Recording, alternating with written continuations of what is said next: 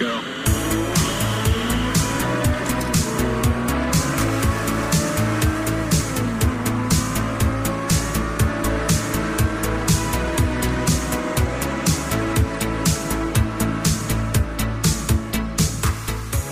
Och det är tisdag igen och vi hälsar er välkomna tillbaka till Svamppodd.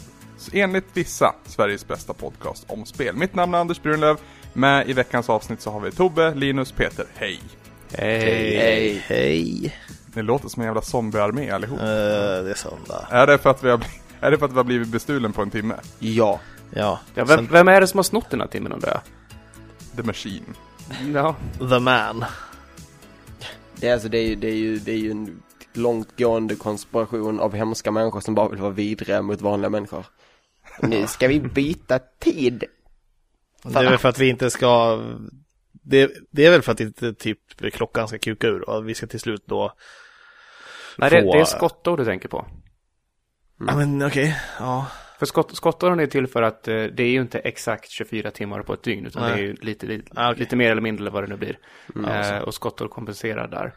Men Skottår som är, det är skottår var, var fjärde år förutom vart hundrade år då det inte är skottår. Förutom vart 400 år då det är skottår. ja, ja men, li- vi streamade igår och drack starköl också så Linus och jag är lite extra trötta.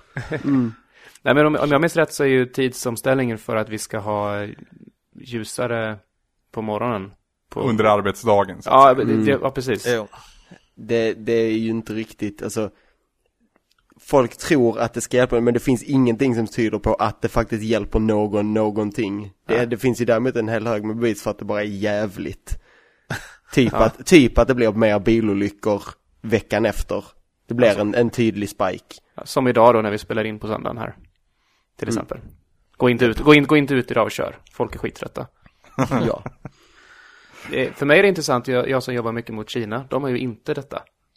Så att eh, var, varje gång vi byter tid får jag alltid liksom instruera dem att ja, nu har vi bytt. Så nu är, nu är mötena sk, sk, skjutna en timme. Gud, det låter som att du styr typ hela landet Kina. Ja, Alltså de, men de måste ju tycka vi är dumma i huvudet. ja men bara, alltså ja men de har ju Först kontakt, skickar de har vi dit kon- L- potatisen Löfven, så bara ja, ja men kör, kör på, kör på. Så, så, så Tobbe bara, nu ställer vi upp tiden igen. De bara, ja, okej. ja. Och de har ju kontakt med mer än Sverige och eh, olika länder har ju olika, det är inte så att alla som har daylight savings time ställer om samtidigt. ja just det. Utan det skiftar ju från en, alltså det, Ja. det är ju, jag tror man, det var någon som gjorde så att timeline mellan tre, om det, var, om det var, ja det var tre olika länder i alla fall, ett USA, ett av Sverige. Så det var så att där är de väldigt nära varandra i tid och där hoppar de ifrån några, några, tim, några timmar för det, det makar ingen sens alls. Ett jävla clusterfuck. Det Ja. måste ju finnas en, en, en glipa där någonstans, den här timmen som bara försvinner. Ett stort svart hål. Och just, just där borde Abrams släppa en ny trailer för Star Wars. Och bara under den timmen. Alright. Uh, ja men vad fan. Eh, vi har sagt hej, vi har sagt välkomna, vi är lite risiga allihop tror jag. Jag känner mig sjuk. Det är lite oroväckande. Aj då. Skit jävla samma, Eh, vi kör igång. Vad har vi spelat?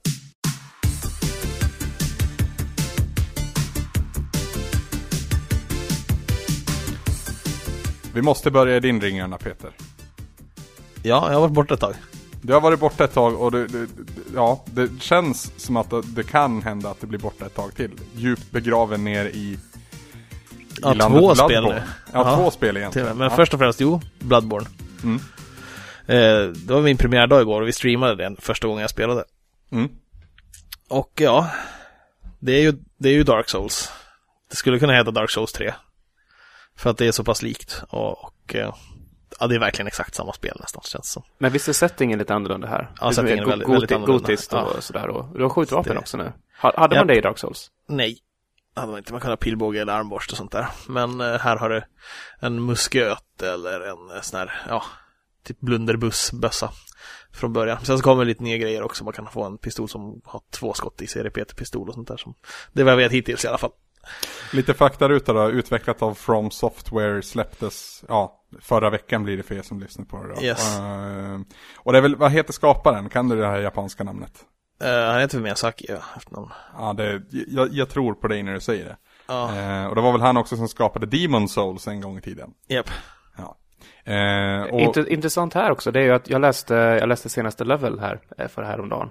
Eh, och där skrev, där skrev de lite grann om det här och de skapade ett spel som heter Kingsfield till PS2 tror jag det är, typ tio år sedan. Mm. Som, blev, som, som eh, allmänt klassades som typ dunderskit för att det var helt oförlåtande och höll den inte i handen överhuvudtaget sånt där. Det som har hänt på de här tio åren är ju att de fortfarande gör typ samma spel. Det är bara att nu har det hållits oss så mycket i handen eh, till, till den extremen så nu vill vi istället ha det andra. Det har liksom gått tillbaka istället. Det är Wow, intressant. kan, det är det verkligen. Att spel, spelkulturen som sådan går i, våg, vågår i sånt också. Mm.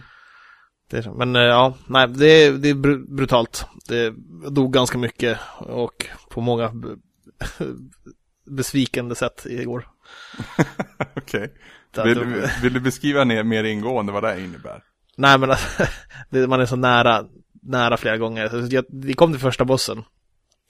Och eh, på, jag var så jävla nära att ta den på första försöket dessutom. Mm. Bara på det. För jag hade med mig mycket blood vials, det hade, det är sån här healing, jag hade typ 19 stycken, det är ganska mycket för att vara så här.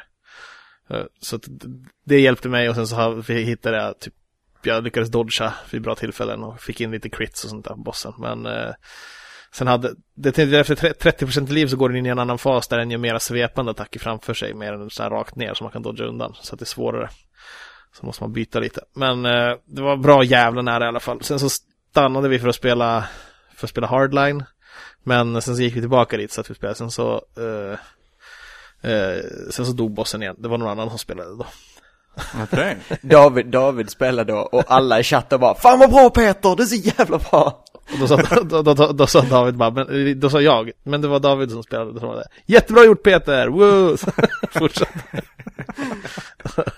David, jag- Da- Da- men Da- David hade hunnit eh, spela lite innan, eller? Ja, det var första gången han tog den bossen också. Han, eh, Ja men han, han hade spelat, han hade hunnit spela en timme in i spelet i alla fall.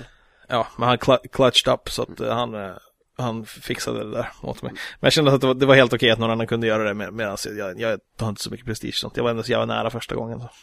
David, David precis som som- undrar är, är ju för övrigt alltså då David från IGN. David Grundström heter han va? Ja. Japp. Chefredaktör på IGN Sverige om Mm, eller det är reda- redaktör, reda, redaktionschef. Redaktionschef. Det är viktigt, det är inte chefredaktör, det är Oj. redaktionschef. Oj, ska vi, ska vi vända oss inåt och kolla på vad, vad, hur våra titlar ser ut? Nej. Nej, det är bra. Eh, Intressant grej om From Software förresten. Jag snabb, eh, snabb ninja Wikipedia lite grann här bakom. Eh, Det är även de som gjort Tenchu-serien. Det hade jag inte en aning om. Stealth Assassin. Ja, det. precis. det är också svårt att spela. Ja. Ja, men det kan jag tänka mig. Men eh, nu är, har jag kommit vidare därifrån. Jag har fått ett nytt vapen och så hittade jag ett nytt område igår precis. där Jag blev dödad av något som såg ut som... Vad var det som såg ut som? Just Jack and Dexter någonting? Nej. Vänta, vad var det, vänta vad var det du blev dödad av? Det, det såg ut som något från...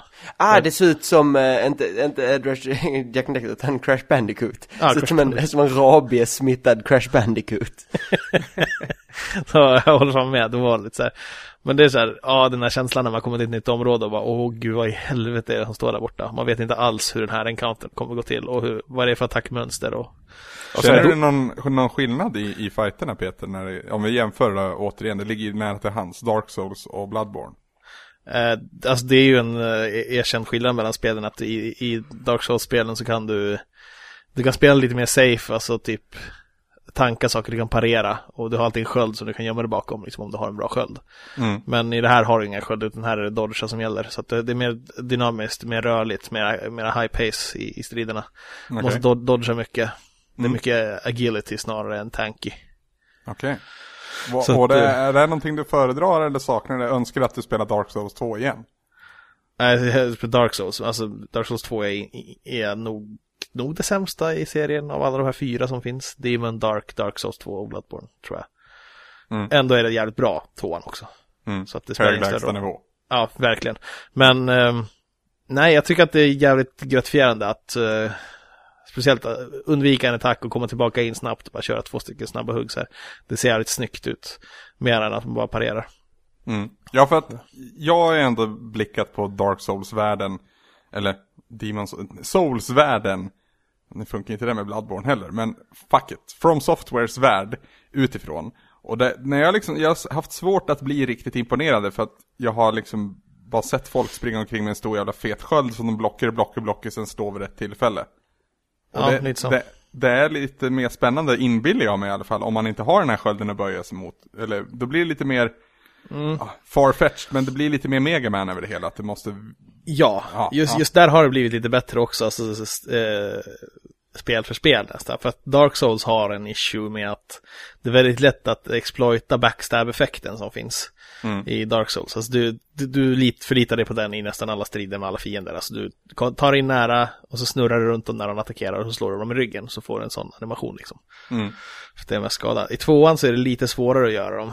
Det finns, eh, det är lite mer dynamisk combat i, i tvåan.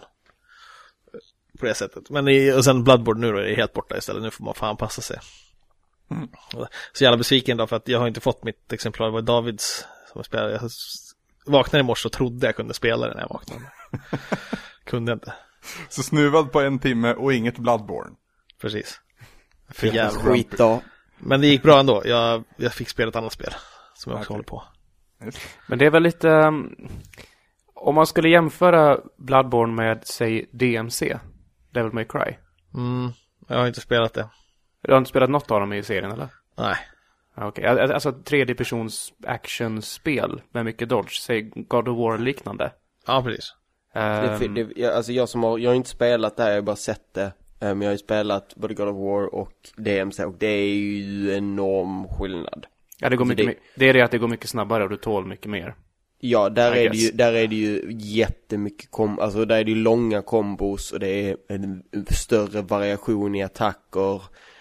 Eh, mycket jugglande och sånt där. Här är det ju liksom mer Du realistiskt, det är väl fel men Nej, men du har ju en stamina-mätare som tar slut ganska fort. Du gör två, eh, tre, fyra attacker. Sen så är du lite gassed ett tag och måste eh, liksom ja, slu, avsluta din attackserie. För du börjar slå så långsamt att de kan komma in emellan då, fienderna.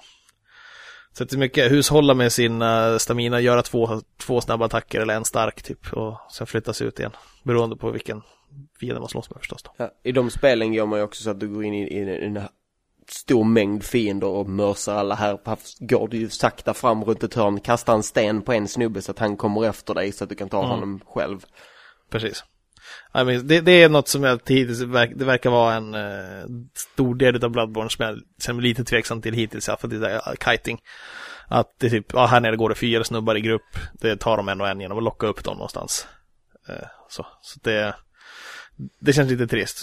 Men samtidigt så går man ner dit och slåss med fyra stycken är man ju stendöd. Så det är mycket sånt, fienden, ta fienderna en och en. Det känns som en sån grej. Ja, för just strider mot flera samtidigt, det, Ja, det, är, det är svårt, eller? Ja, det, Ja. det för att alltså de är ju helt fristående och har fristående attackmönster från varandra och eh, bryr sig inte om när de andra. Det är som, alltså som en riktig strid. Mm. det är inte som i du vet, filmer när man säger kom igen jag tar er allihopa, så står de i ring och väntar när de slåss en och en mot den här hjälten. och låter honom eh, bit, bit, slå ihjäl varenda, varenda en av dem. Så. Utan här är det, de, de går på en allihopa samtidigt med sina attacker. Och går runt den liksom, cirkulerar så att man är ju direkt fuckad. Men du, vaknade i morse och du ville spela mer. Ja, direkt. Det var typ min första tanke. Jag ville bara in och spela igen. Det, Ja. Hur, är så- mycket, hur, hur, hur, lång, hur långt in har det kommit? Första bossen död. Sen har jag tagit mig vidare ner till, det är ett nytt område. Jag tror jag ska ner i kloakerna eller vad det heter. Men eh, det är, jag har tagit mig över en bro förbi ett par hundar. Eller så här hundkennlar finns det där. Som, de står i burar. Som en massa hundar. Jag tror där, då borde folk veta ungefär. Mm. Ni som såg streamen vet ju också. Men eh, ja, jag gick ner där och träffade på de här långa, gängliga, äckliga sakerna som, som dödade mig. Det är dit jag, det, det, jag vill dit och fortsätta utforska. Sen använda mitt nya vapen också, Kirk Hammer. Det såg jävligt häftigt ut. För vapenhanteringen ska väl också vara, jag har ju ändå sett och läst ganska mycket om Bloodborne. Det, embargot släppte ju Ja, det- veckan som var. Transformativa va- vapen är väl Precis. grejen. Så här, att du har, eh, du har en snabb, eh, agil version av vapnet. Sen så kan du tj- tjocka på det till att det blir lite större. Så eh, det är väl den vanliga normen. Men sen så kan man också, det finns det något som heter Sword Cane.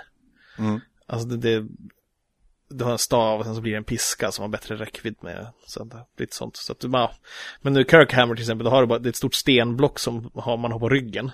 Mm. Så det, det ser ut som, alltså så runor på det, liksom. det ser ut lite som en slab of, som en ofärdig gravsten som de inte kislat ut liksom. Ja. Den, den hänger på ryggen. Sen så har man ett svärd i handen. Men så kopplar man ner svärdet in i stenen så tar man upp den så är det en jättehammare istället. På, och det påverkar också din eh, stamina misstänker jag. Ja, du gör bara en attack med den egentligen. Så, Ja. det, men du gör den jättemycket skada.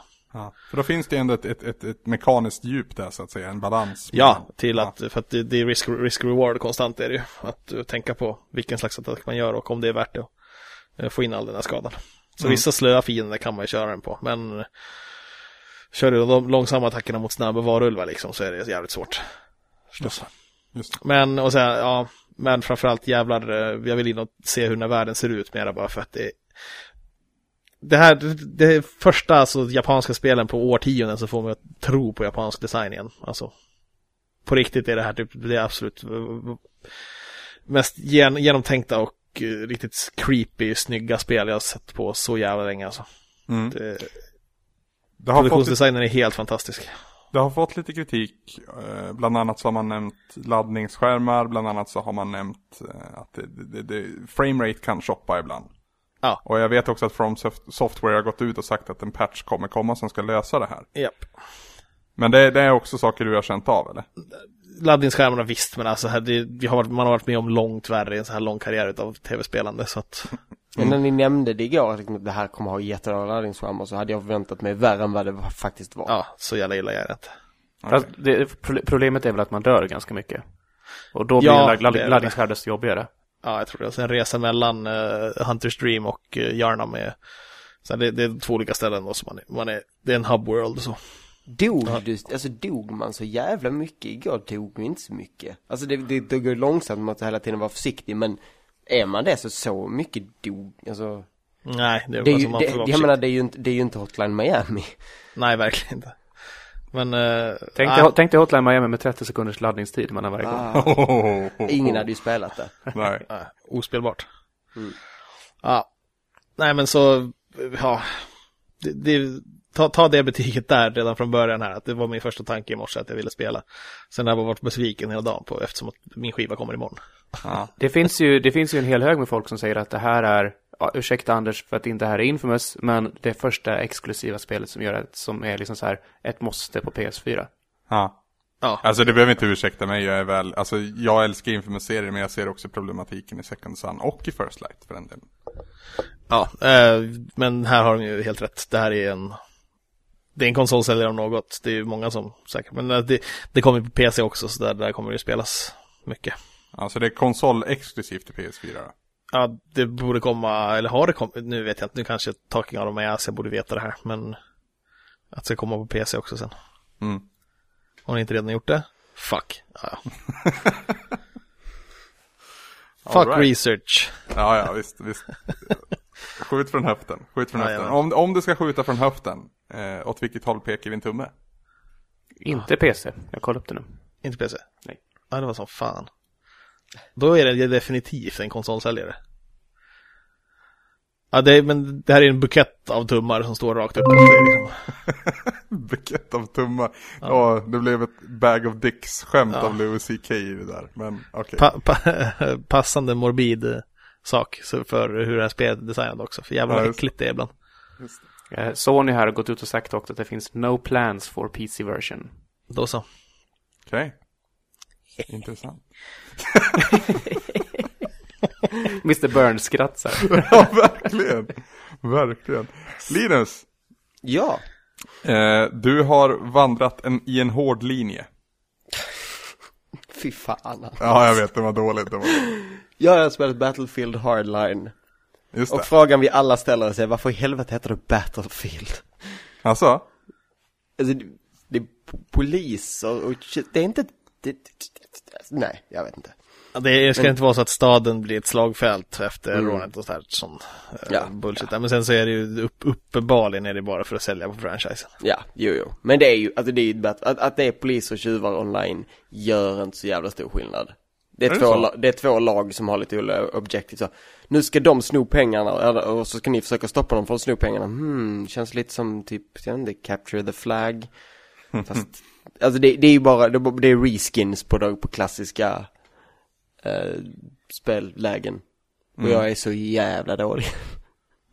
För det, alltså, folk säger ganska ofta att så här, tjuv och polis, som alla lekte när man var kids. Det finns inget, alltså att det finns ett hål i spelmarknaden ut, uh, utefter det. Men gör det verkligen det? Eller är Capture the Flag essensen av det snarare? Jag önskar att det här spelet var mer att det var mer tjuv och polis som, som man pratar om. Alltså tjuv och polis, alltså barnsligt tjuv och polis. Det här är ju något slags, alltså om man ska ta eh, single player som jag spelat, jag har nästan spelat den mer, så är det ju Alltså det ska man säga hard, hårdkokt crime drama fast också skitdumt actionigt eh, och jag vet inte. Hade det bara varit, alltså de kunde väl gone over the top och kört eh, tjuv och polisigt med lite, lite glimten i ögat så att jag inte sit, behöver sitta där och vara arg över hur de speglar socioekonomiska förhållanden i USA. mm. um, och sånt, och istället gjort det lite, lite arkadigt, kanske inte gameplaymässigt men arkadigt i upplägget. Alltså utifrån så får jag väl ändå ett väldigt arkadigt intryck, i alla fall i jämförelse med Battlefield-serien som stort. Att det är mer liksom inte, inte flamsigt, flamsigt kanske, men väldigt så här ryckigt och, och, och twitchigt. Och det är lite snabbare och lite tajtare banor är det ju. Det, Nej, framförallt jo, banorna mindre, eh, i, i, alltså förhållandevis mindre. Och det är ju inga så här, tank battlefields så. Nej, nej, nej såklart. Um, det är mer urban generellt också. Mm. Ja. Men ska vi börja rätt ända, single player eller multiplayer först? Vi kör multiplayer först. Ja, så kan okay. vi komma in på den andra skiten sen. Nej, äh, multiplayer, det känns... Jag är ju egentligen inte tillräckligt bevandrad i, i just den här speciella, alltså för det är ju en militär shooter. Det är inte militär utan det är polis, men det är ju den genren. Det är ju eh, Call of Duty, Battlefield, den, den genren. Mm. Och jag är inte så insatt i den att jag kan plocka upp på de subtila nyanserna däremellan från spel till spel. Utan detta är ganska vad jag har känt hittills ganska standard. Bara springer runt ett slagfält och skjuter folk. Mm. Eller hur, sagt... stort, hur stort och hur variationsrikt är det här slagfältet? Då? För att man har ju, alltså man har ju velat gett inblicken av att man är alltid i rörelse, du ska alltid göra du har alltid ett objektiv förutom att skjuta folk. Du kan åka jävla linbana, du kan köra bil, du kan åka motorcykel och helikopter och vad fan annars måste. Absolut, men alltså grejen är med de här fordonen man kan ha, det är att oftast det du använder dem för det är att ta dig till striden. För att du börjar en jävla bit därifrån. Och så så här, nu dog du, du startar dem en bit ifrån och får man ta en bil och köra dit för att kunna bli skjuten igen. Uh, I mitt fall. Mm. Så jag vet inte riktigt om, alltså det känns som att de försöker forsa ner du ska använda en bil här för annars tar det jättelång tid att ta dig till slagfältet men det är inte så himla hände. Men det finns, där någonstans så finns det en angiven mall för vad, vad du gör så att säga. Det, det, finns, om man ska säga att ni ska, ni ska råna det här bankvalvet eller ni ska, om du är tjuvarna så att säga. Mm. Det finns råna det här, det finns typ en klassisk VIP-gren. Um, ehm, mycket av det är att den här saken ska, ska både, både alltså det jag först är spelade, det som liksom, det första man går in på egentligen. Det är ett där eh, tjuvarna har typ sprängt en pengabil och så ska de ta pengar därifrån, frakta dem till en punkt för att lämna av och så ska polisen stoppa dem. Mm. Um, och sen är det så att varje gång de har lämnat en så hämtar de en igen och så, så här. Så att den som håller i det hela tiden är target som alla är ute efter. Just det, och så är det, det är liksom lite små eskortuppdrag mitt i allt det här då. Mm. All right. Det var väl liknande vad vi upplevde under betan va Peter? Eller var det alfa vi körde? Det var, det var till och med en alfa. Ja. Eh, återigen de här jävla begreppen, skitsamma. Det var en tidig testgrej här och ja. eh, jo, ja men jo. Det var lite så. Mm. Och det, det jag känner är problemet när man gör det så här, för att alltså någonstans i CS funkar det ju. I CS ska du antingen desarmera en bomb eller rädda gisslan.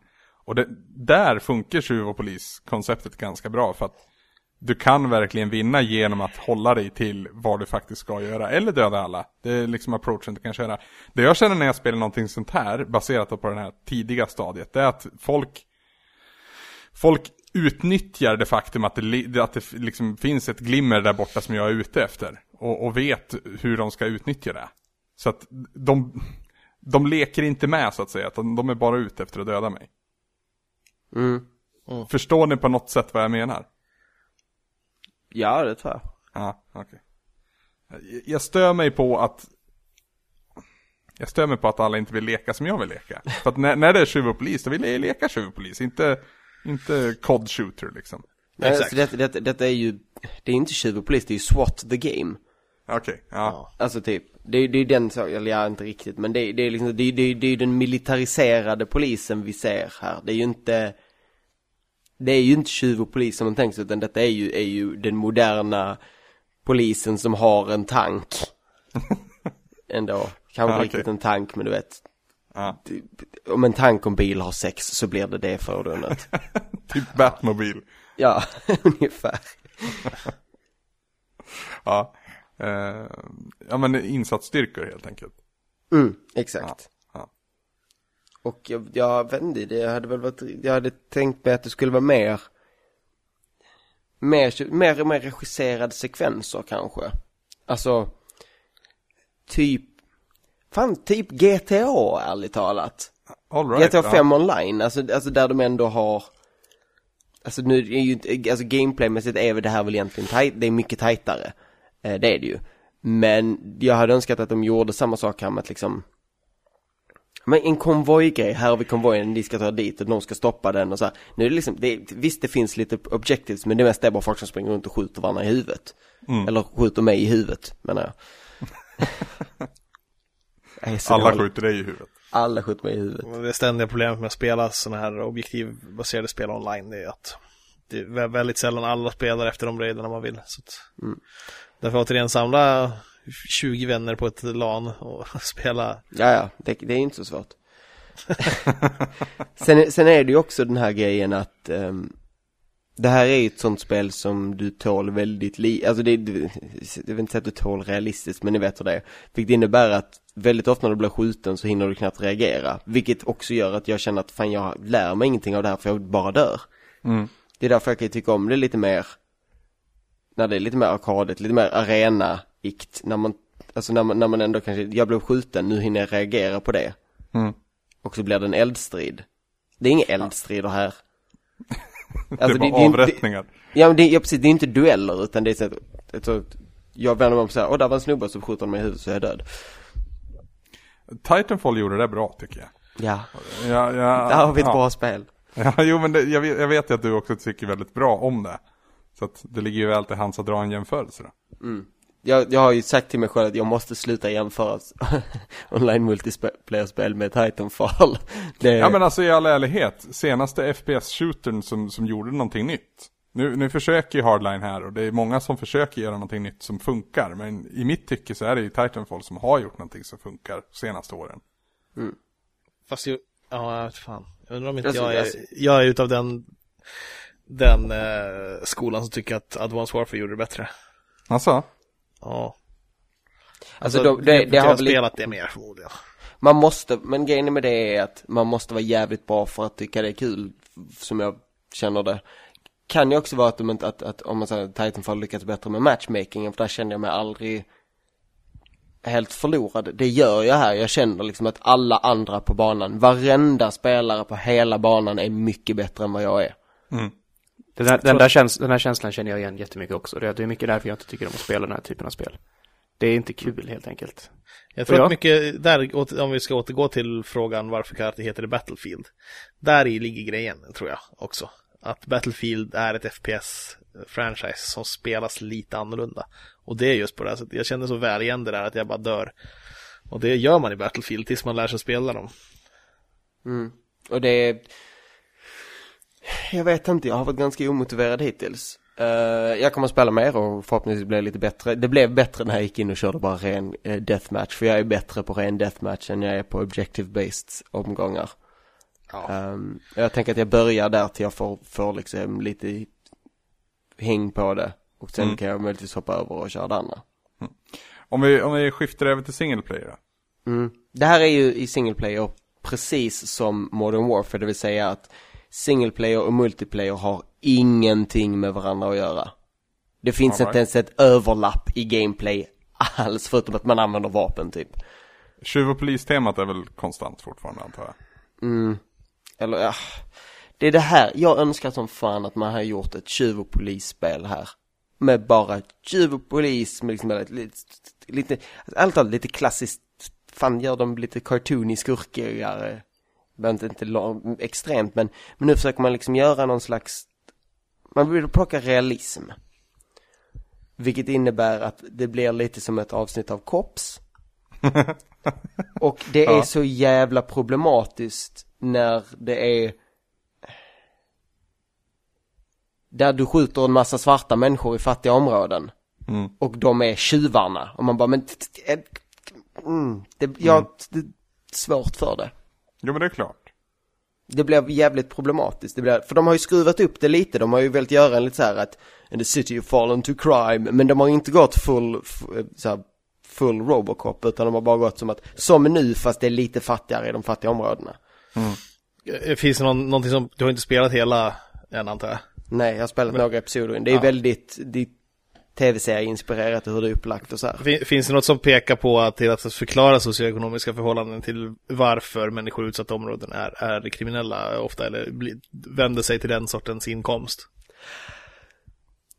Nej, de Inga har, inte, de har inte gjort några sådana attempts hittills utan det har varit väldigt, alltså det har varit Nej, Så, Så, ja, det det, är är ju, egentligen... det, är ju, det är ju alla de här polis eh, tropesen så här att liksom de bryter mot reglerna men det måste man göra för att kunna battle crime. Så det är snarare tack, tacksamma stereotyper som de eh, vänder sig mot och, hjäl- och hjälper till att fortsätta, eh, Mm. fortsätta, vad heter det, perpetualisera.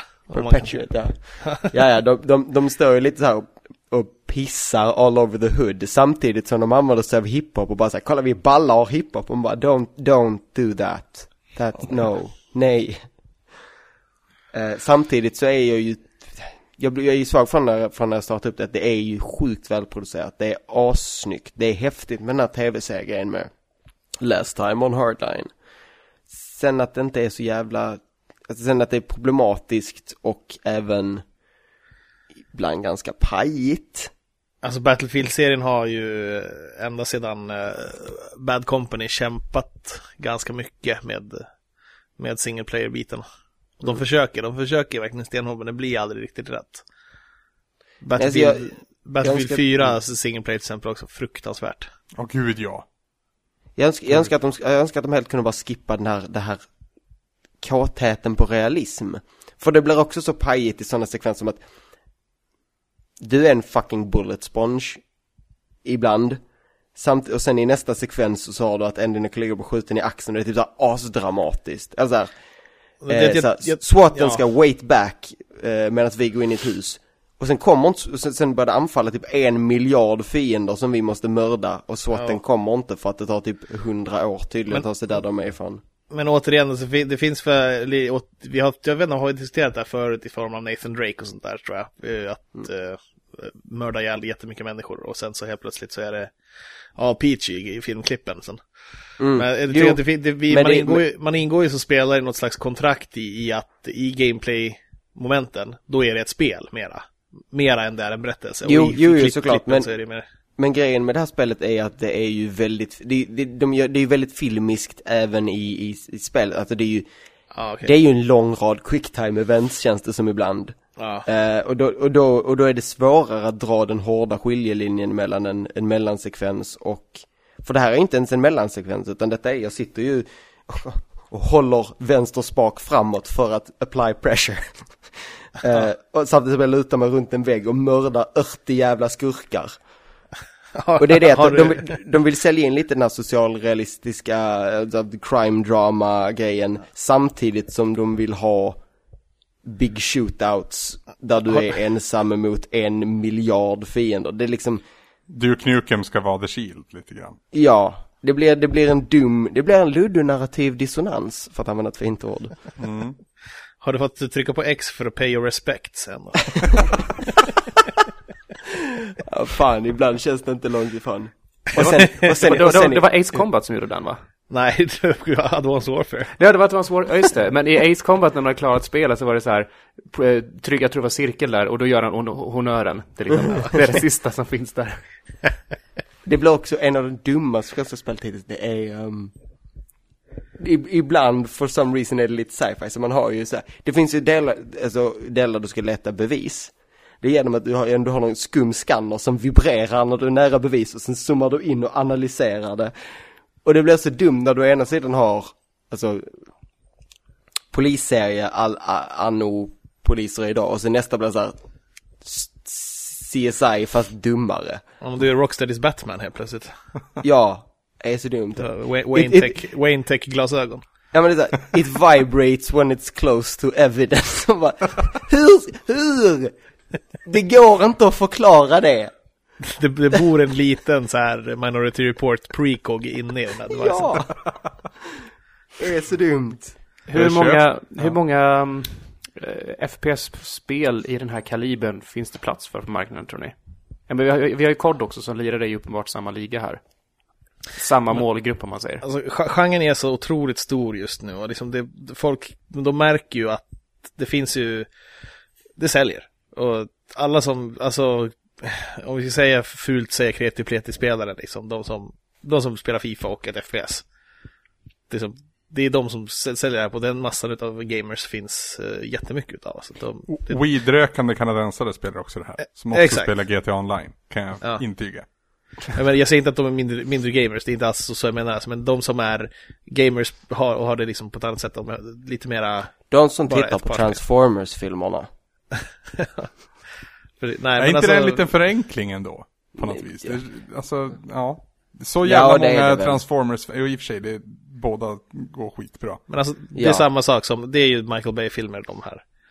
Och då säljer det, och de görs av en anledning. Och i, frågan är, alltså ja, hur mycket sådana finns det plats för? Ja, det, i den takten det går nu så verkar det ju gå bra, så det kommer ju fortsätta. Är, har Assassin's Creed samma målgrupp? Ja. Ja och nej, för att jag tror de vinklar in sig ändå lite mer på vad vi skulle om man skulle kalla hardcore När du säger vi, att vilka hänvisar du till då? de, de av oss som är lite finare. Ja, men om du förstår, nej, men jag tänker att, eh, jag tror att Okej, Assassin's Creed går lite mot en, en, en målgrupp som spelar fler spel.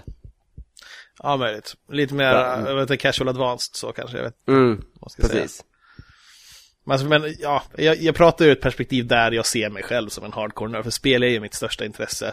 Och jag har ju suttit framför min jävla skärm i, i eh, liksom större delen av mitt liv. Mm. Och spelat spel. Och jag har spelat av fan så mycket som möjligt och i alla genrer jag pallar. Och det är väldigt, det, det jag tillhör ju inte den normen av en gamer om man säger. Så det är snarare vi som står utanför som är de här extremt insnöade nördarna. Liksom. då, precis, och det är lite där min problematik ligger, att vi sitter som såna jävla finsmakare och bara pissar på, Ja, på exakt. det som inte väldigt det många jobb? uppskattar. Är inte det vårt jobb? Jo, jo, men man kan, Ja. man kan pissa eller så kan man kritisera. Fast när jag, om och alltså, det, det är ett problem där när jag ser kreativ pleti gamer, att det låter ju, och till viss del säkert finns där också någon slags syn på att eh, jag kan mer om spel, men då recenserar jag människor snarare än spel och det ska Ja, jag precis. verkligen inte hålla på med. Precis. Så att, men alltså, bara på ett, det är svårt, det finns inga bra ord för det, vad fan, vad ska man säga, alltså mera, är, det, är casual ett fult ord? Filthy casual. det är Jag, alltså, jag, jag, tänk, jag tänker man, man kan väl på något vis eh, göra en, inte har du något värde i det alls, men väga in folk i hur många, hur många spel de spelar kanske. Alltså det, jag tror det finns en väldigt Oh. stor mängd människor som bara spelar Call of Duty. Call of Duty, år. Fi- Fifa, ja, Ja. och NHL, Ehm, absolut. Och sen om de, jag tror om man ska jämföra det med Assassin's Creed så tror jag det är färre som bara spelar det. Ja men då, kan man säga att det är casual så går vi till casual advanced. Men, spelar- men skulle ni säga att en person som bara spelar Dragon Age också är en casual gamer? Jag tror att intresset i Dragon Age kommer från ett djupare nörderi någonstans i rollspel. Och, och, och eh, liksom, Fast det är inte fotbollsnörderi också nörderi. jo. Men alltså när det gäller den här sortens eh, Jag skulle ju säga det är mycket mer, det är mycket mer nu, Fina- nu är det här, nu är det här väldigt meta, men det är mycket mer pure nerd att köra, eh, vet du de här manager-spelen? Football manager. Ja, Ja. det är supernördigt. Mm, det är ju, det är ju, jag menar, det är ju, fan det är ju, det är ju nördigare än, Men det är, alltså, jag- det kanske man ska väga in vilken form av nörd ni är också i form av såna här eh, eh, eskapistiska fantasier som funnits eh, och, och på något sätt definierat nörden sedan tidigare, att man flyr till fantasy och sci-fi-världar och sånt där. Och genrerna är det som definierar på något sätt också. Ja, det, hur hamnar vi här? Jag vet inte. Det var jag som bara ifrågasatte om vi skulle, ja, pissa på alla COD-fans. Ja. Nej, det är klart- det är klart vi, hamnade här, för, vi hamnade här för att vi ställde oss frågan hur mycket sånt här finns det plats för. Och då tänkte jag att eh, de, de allra flesta gamers är de som, som spelar Fifa och, och, eh, och COD. Mm. Och, eh, och Battlefield Hardline. Men det är, det är farligt att, att dra den parallellen att det här skulle vara någon form av ytan på gaming och sen måste man, ju mer gaming man blir desto djupare ingår man. Ja, Det, nej, det, så det, är det, det, är som, det är ju som att säga att det här är ett dåligt spel men du vet inte bättre så du, du tycker om det här. Alltså jag, jag uppskattar ju Battlefield och COD precis på samma sätt som de andra uppskattar Battlefield och COD. Det är ju det är ett bra spel. Jag tycker Advanced Warfare var svinbra. Det är min, topp, det är min tvåa för god till förra året liksom. Så att eh, det, där finns det ingen skillnad så. I, i, I vilken form av spel vem gillar. Nej. Är det de som ligger sämre till i så fall, om vi, om vi ser på FPS-genren som stort, det är de som försöker lite nya grejer. Vi tar Wolfenstein The New Order till exempel. Mm. Hur bra säljer det i jämförelse? Ja, Ja. det är synd. Ja, det antagligen sålde det inte alls lika mycket. Nej, jag, jag har inga siffror på det heller, jag bara antar nu att det inte sålde. Sto- storymässigt så är det eh, det bästa FPSet i, Ja. för, förra året. Det hade, men det, det hade inte ens en, en uh, multiplayer-komponent Nej. överhuvudtaget. Det är där var också det säljer. befriande. Ja, befriande som fan, men dåligt för Machine Games och publishern. Ja, det kommer en uppföljare, DLC-format, nu Ja, det under skulle bli så våren. jävla gött. Men okej Linus, Mm. vad, vad känner du när allting, när allting kommer ner så att säga? Åt vilket håll pekar din tumme? Just i nuläget pekar den ner. Okej. Mm. Och, men du, du funderar fortfarande på att investera mer tid i det här? Ja, då? jag kommer att investera mer tid. Ja. Ehm, och jag, det är ett sånt spel som jag, jag kan ju se alla fördelar, men det är inte, det är inte, nej.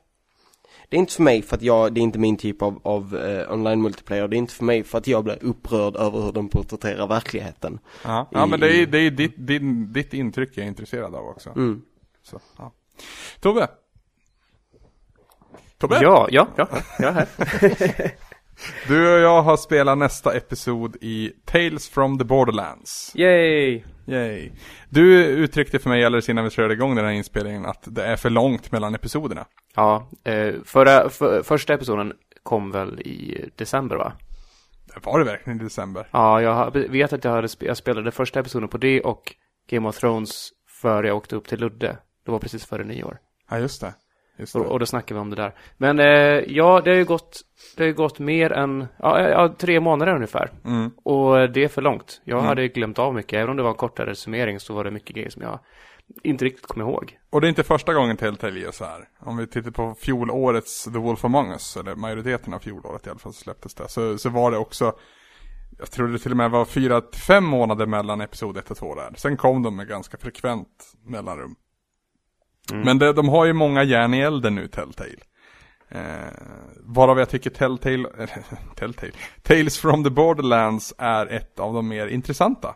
Måste jag säga. För att jag var jävligt skeptisk när jag satte igång första episoden och blev jätteöverraskad över hur, hur bra det faktiskt funkade. Eh, och det är samma känsla som slår mig när episod 2 rullar igång. Mm. Det, fokuset här är någonting annat än vad de är i de andra spelen. Mm, mm. Jag menar, säg, säg Walking Dead har ju en väldigt seriös ton. Och det har ju, har ju Game of Thrones också. Och spelar mer på, på val du gör och eh, saker som händer och så. Även om det är, som Peter skrev en krönika om, det är egentligen bara en stor illusion. För det spelar egentligen inte stor roll vad du gör. Sto- Storymässigt så kommer det ändå hän- hända samma saker. Mm. Eh, men Bo- Borderlands har ju en helt annan inriktning här. Det är, det är humor som, som står i första rummet. Ja, och de gör det väldigt bra. Alltså det, det här är väl en av de svåraste svåraste grejerna att hantera. Att göra roliga spel och faktiskt funka ändå. Men det är en, alltså Jag ska inte dra den jämförelsen, nej. Ehm, det är någonting som får mig att vilja spela vidare, förutom att det är liksom roligt att se vad som väntar en runt hörnet. Det är en engagerande handling i överlag också. Mm. Och, de, och de, det är nästan som att det är en matinékänsla över hela settingen Mm. I en, i en värld som känns mer intressant än i något av de faktiska Borderlands-spelen.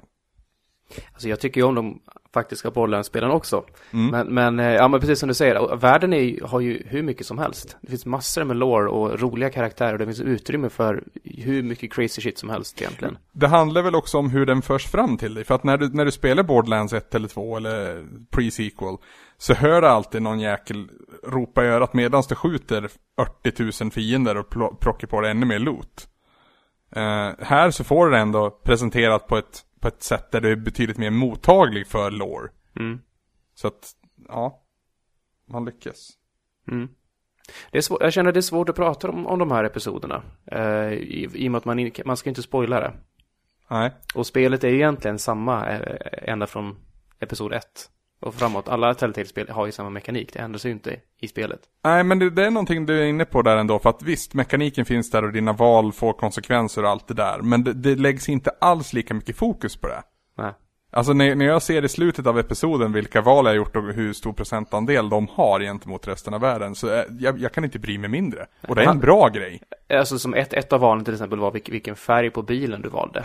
Just det. Jag menar, det, det, det finns så här spo- spoilerfri grejer som, men alltså du kommer till en bilmekaniker så kan du pimpa din bil. Ja. Och eh, ja, du hade fem val tror jag det var, som kostar olika mycket pengar. Och Mm. eh, det, det, det spelar absolut ingen roll. Mm. Ehm, en annan sak som vi, som jag tror jag pratade om eh, när jag pratade om Episod 1. Det heter väl Zero Sum eller någonting sånt va? Ja, just det. Och Zero, Zero som är karaktären, den ninja-karaktären från tvåan. Episod 2 heter Atlas Mugged för övrigt. Men en sak, alltså allting fortfarande så är det i återberättningsstadie. Eh, så att det vi faktiskt ser kan vara lite tweakat utifrån vem som berättar historien så att Och det, och det är ju jätteroligt. Det är som faktiskt- Det, som, ja. som den här bro, bro, bro, bro, bro Åh, grejen. gud, det bästa scenen hittills i den här serien. Ja, Ja. Två episoder bara, men det, det, man såg det liksom att det eskalerade snabbt. Ja, Och det var så jävla roligt. Och den roboten, jag kommer inte ihåg vad den heter. Loaderbot. Eh, Loaderbot. Klockren. Eh, ni som inte har spelat det här, Peter och Linus, fattar ni någonting av det vi säger? Nope. Nej. Nej. Jag blir sugen på att spela det. Ja, det, det borde det göra faktiskt. Eh, Hur långa är de här episoderna? Det finns, vad sa vi, två episoder hittills. Hur långa är de? två, två tre timmar. Första timmar, ja. episoden uppfattar jag det som mycket längre än vad den här andra episoden som, in, som har en mer klassisk Telltale-längd.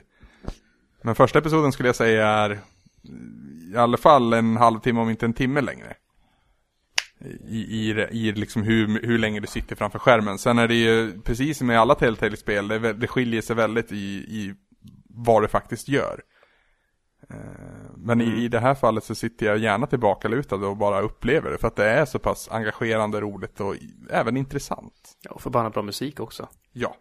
Eh, För att ge någon typ av klarhet då. Vi, vi spelar ju som en av två karaktärer. Båda har ju en viss Han Solo-aura kring sig. Eh, så här. All, alltså i, den här världen så vill ju alla lura alla konstant. Precis, precis. Så att, eh, ja det är ju en, en tjej. Man, man är ju kidnappad av, en person med mask som man inte kan se. Står och hotar han med vapen och eh, som ber en att berätta sin story om varför man är där i princip. Man börjar ju från början och, och berättar en lång story. Och därav kommer då in då som den här bro bro bro grejen som vi har. Där, där är det hon som återberättar killens story. Och hon, hon, hon menar ju på liksom att ah, det var bara, ni är bara massa killsnack och sånt stuff. Det, Hu huvudkaraktärerna heter i alla fall Reese, eh, röstad av Troy Baker och Fiona heter då den kvinnliga karaktären. Eh, och båda kommer ju liksom från, alltså Reese har ju varit anställd, det pratade jag om i första episoden, anställd av det här super mega elaka företaget som Handsome Jack. Hyperion. Hyperion, precis, som Handsome Jack en gång i tiden bossade över. Ja, för det utspelar sig efter Borderlands 2. Precis. Eh, och på tal om Handsome Jack så träder ju han in i bilden ganska ordentligt i den här episoden. Nu är det lite spoilers då för de som inte har spelat någonting, men det är en extremt liten spoiler. Ja, Eh, fan, det är bland det första som händer. Ja, jo. Ehm, och Handsome Jack tillför ju också någonting måste jag säga. Utan att gå in på hur han kommer in i bilden, för han är ju enligt, enligt Borderlands 1 och 2 kanon så är han ju död. Men, ja, han finns där ändå, på ett sätt. Mm. Och, ja som sagt, en, en extra krydda som gör, gör spelet gott. Och det ska bli väldigt intressant att se hur man för det här vidare. Va, vad heter han? Hugo Vasquez. Jag känner igen hans jävla röst så jävla väl. Så ska... Ja, det är ju, det är ju um, Family Guy, han i rullstol. Vad heter han? Just det, polisen. Ja. Just det. Jag känner igen, ja tack. Nu, nu lossnar det. Är det, är det Patrick Warburton? Ja, Yes, jag yes. älskar Patrick Warburton. jag måste smyga in med tipset, uh, the, the Cheese and Burger Society.com. Där, där, eh, där det finns en massa hamburgare som han eh, pratar varmt om. Det är, det Han är har så sån jävla mjuk och mörk röst som man var liksom gottar ner sig i. Mm, och samtidigt har han det här att han, när, när han blir så här crazy arg. så jävla bra. Och, och Vasquez då är ju en, en antagonist i det här. Han är ju den då som snodde Rees plats i företaget och, och Rees är ju nu på jakt ifrån, eller inte på jakt, han är ju på flykt från företaget Hyperion. Han, han är som klichéartad, så här, utstuderad douchebag bad guy här. Visst. Och det, även han skrattar man åt. För att det är liksom så, det, det är inte överdrivet over the top, men det är tillräckligt over the top för att man ska, ma- man älskar alla på något vis. Mm. Eh, även de, de, de små dryga sidokaraktärerna. Så. Men det, det är svårt att gå in på mer vi, när, vi, när vi pratade om Game of Thrones, episod 2, så hade vi ett, ett segment där vi, där, vi, där vi spoilade fritt och så hade vi bakgrundsslinga. Men jag tror vi skippar det här för Borderlands för att det här bör man uppleva. Jag vet att det var folk som lyssnade fast de inte borde ha gjort det. Jag vet, alltså i, i i och med att fokuset snarare ligger på humor och, och stämning och sådär, så det, det, det, det är svårt att återberätta. Det, man ska uppleva det istället. Mm. Och jag känner också att, att någonstans, man ser någonstans nu vart, vart eh, spelserien är på väg. Eh, och det är egentligen inte vart den är på väg som är intressant utan resan är allt om ni har hört den förut. Ja. Alltså det, det, det är verkligen när, när du spelar det som du har, sitter och har så roligt. Och eh, alltså, jag var jättekritisk som sagt mot Telltale att de hade så många järn elden och jag är fortfarande kritisk till viss del. Men jag måste säga att varenda gång jag spelar en Telltale-episod nu så blir jag imponerad över hur, hur de hanterar sitt eget medium och hur de eh, på något vis spelar i en egen division lite grann. Jag ska ju prata om Game of Thrones här senare också och alltså de, de här klättrar i min utvecklarlista måste jag säga. Även om de, de kör fortfarande samma grepp så gör de det på ett fräscht sätt varje gång. Ja, Jag är, jag är halvt med det här. Eh, om vi ska prata tumme så får ju Borderlands en stor tumme upp från mig. Men vi måste ju gå in och prata lite grann om, om Game of Thrones här, för det är ju, det är ändå, de hänger ju ihop. Ja, min tumme pekar givetvis också uppåt, det tror jag inte man behövde gissa sig till ens en gång. Men okej, jag, jag är ju inte lika blown away av Game of Thrones. nej men det är inte jag heller. Eh, och anledningen till att jag tycker om det fortfarande så mycket, det är ju för att jag gillar Game of Thrones-universumet och tv-serien i synnerhet så pass mycket. Jag tror s- samma för mig där också. Jag tycker, jag spelade också trean här igår. Mm. Jag har inte spelat trean men jag, av de första två så känner jag också igen mig. Eh, Det är också lite, det här är mitt första Telltale-spel så därför är ju allting nytt. Men redan, redan jag känner ju fan att den här mekaniken börjar bli trött. Men det var ju, det var ju intressant, du, du var väl med då också Linus när vi pratade om, om Episod 2? Mm. Och, och att man faktiskt har möjlighet att påverka. För, I och med att vi startade om och, och gjorde annorlunda och det fick ett helt, annan, ett helt annat slut på den episoden än vad, än vad, än vad ni fick. Och, det, och det, där utforskar Game of Thrones, i mitt tycke, så utforskar de eh, möjligheterna. För att alltså, de som följer serien Game of Thrones vet att det handlar inte så mycket om, om drakar och, och jävla riddare och hus egentligen, utan det handlar om spelet, det politiska spelet som hela tiden finns närvarande i Game of Thrones. Sen är det mycket, mycket omotiverad nakenhet och coola effekter utöver det, men för mig, det jag tar med mig, det är liksom det sluga politiska jävla backstabbing-spelet. Det är Game of Thrones för mig. Det är där eh, spelet eh, är allra bäst när man spelar i Kings Landing också. Oh ja, Det är det. Oh ja. Jag, jag kan inte för mitt liv komma ihåg hur episod 2 slutade. jag måste kolla upp det sen. Ja, så tråkigt, jag sitter också och funderar. Jag Begravning. ihåg. Det var en begravning. Just det. Var inte det första episoden? Nej. Nej. Eller jo. Äh. Nej, nej, det var, det var andra. Ja, jag måste... Det var en hemvändarstory där och sen eh, en begravning. Precis. Mm. Precis. Eh, och det, det, det man gör bra då, om vi, om vi börjar i den änden i, i Game of Thrones episod 3, det är att man, man vidhåller ju de här karaktärerna som fanns som spelbara i, i episod 2. Och de finns ju verkligen på olika ställen och alla ställen är relevanta. Antingen för, för spelserien i sig eller som för tv-serien. Där du, där du snubblar och stöter på karaktärer som du känner igen väl. Och, och det jag tycker är så jävla coolt, i och med, i och med att, som Mira till exempel, som finns i Kings Landing. Hon spelar ju verkligen spelet i mitt tycke. Hon, är, hon ljuger, hon är slug och hon gör allting för att främja för sitt hus. Eh, Forrester. Och i och med att jag också vet, det här har jag inte hunnit ikapp serien än. Jag vet ju vad som kommer hända i Kings Landing eh, ganska snart, man ser det komma.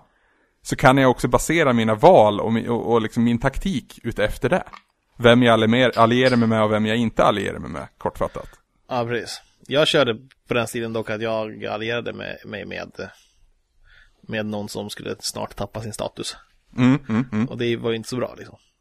Men eh, det Nej. är lite bara för att ke- keep true till att eh, det var vad hon skulle ha gjort förmodligen. Ja just det, du spelar så istället. Mm. Du rollspelar lite grann. Jag rollspelar ja. Ja.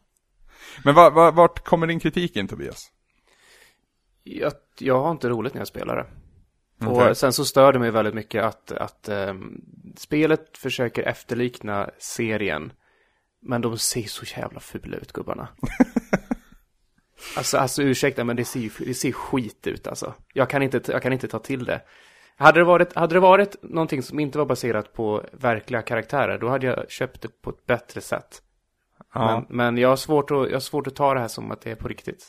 Just det här grafiska eh, smetade intrycket funkar ju väldigt väl både i Borderlands och i till exempel Wolf Among Us. Mm. Eh. Men jag, jag håller med dig, det, det, det blir konstigt i Game of Thrones. Och speciellt när de ska försöka efterlikna de riktiga karaktärerna med ansiktsdrag och allt sånt där. Man ser att det finns där någonstans, men så kommer det väl, sen kommer det väl en jävla Uncanny Valley eller något sånt där som får mig att tro att, ja men han har, han har down syndrom liksom. Ja men alltså, det, det är såna, men det kommer tankar, sådana tankar kommer in över mig som att det är någon, någonting kraftigt fel med honom. Eller henne, det är liksom, det gäller alla karaktärerna. Jag, det, det funkar inte för mig. För mig så tillför det väldigt mycket att det är eh, röstskådisar bara. Hade det inte varit det så hade det brytit helt. Nu tycker jag att det blir en, en dissonans ändå mellan hur de ser ut och vad de säger och vad jag hör. Men, men just att jag känner igen rösterna så väl från, från HBO-serien. Eh, det lättar lite på det här problemet för, mitt, för min egen skull. Jag bryr, bryr mig faktiskt eh, inte om det alls. Utseendet. Det, jag, jag, det- för mig är det bara storytelling det där och om, alltså karaktärerna i sig berättar sig fram på andra sätt än hur de ser ut. Liksom, det är ju deras story, deras bakgrund och allting och sen så, jag, jag har, det kanske är att jag bara lever mig in så pass mycket. Tillåter Mm. mig att göra det. Så att Mm. jag liksom bara köper. För jag tycker jävligt mycket om Game of Thrones. Alltså på det, i, i, inte, inte bara serien i sig så, utan snarare världen, alltså den typ av värld det är, en Sword and Sorcery-värld. Mm. Liksom att eh, det är slags medieval fantasy, men det finns så här lite magi gömt någonstans. Alltså här Old God-grejerna och Nor- eh, North Grove-grejen liksom, tycker jag är så Mm. sjukt spännande. Ehm, är det överspelat att säga att fan vad buggigt och jävligt det är? Ja, det är det. hände fan. Jag fick, jag fick hela, alltså första striden i del 3 där i, i ja, ni vet, grottan där. grottan, precis. Eh, den var helt utan musik och effekter. Allt jag hörde var rösterna. Oj. Alltså jag, jag körde ju, eh, i början av andra episoden Så kom det ju ett ställe jag inte kom förbi för att det hela tiden glitchade så att jag inte kunde göra, alltså trycka rätt eh, Ah, okej. Så. så jag var till- tvungen att göra så att det blev en större glitch som glitchade runt den glitchen Wow. Det är, in, det är fan inte okej Nej. Det är inte det Alltså jag blir jag blir Niklas Sintorn i sammanhanget för jag har fortfarande inte stött på en bugg som har varit liksom spelförstörande på något vis. Det har, det har faktiskt flytit problemfritt Hur, för mig. hur är det Niklas? Har han också samma upplevelse? Han, han, han har aldrig stött på en Niklas bugg stöter i ju ett aldrig spel på buggar. någonsin Aha, okej. Han spelar alltid precis som det är tänkt att man ska göra. Okej. um, hur, är, hur är Borderlands jämfört med Game of Thrones där, buggmässigt? Inte en enda bugg. Jag- Och jag har stått på mycket buggar i, i allt från Walking Dead till, ehm, ja, till, till Game of Thrones. Men i Borderlands, allting flyter. Rätt. Alltså, mitt, mitt intryck är att Game of Thrones är the choppy one i jämförelse mellan de två specifikt. Ja, jag, ja, jag tycker det känns som att frameraten inte riktigt är där. Det, folk, folk rör sig ryckigt och sådär. Ja. Inte alls Kan, den kan det vara att den grafiska stilen funkar, alltså det, jag vet inte, den grafiska stilen om det kan göra någon skillnad i, för att det är väl, jag antar att det ser ut som Borderlands alltid gjort, det vill säga väldigt cell-shadat, cartoony. Ja, det gör det.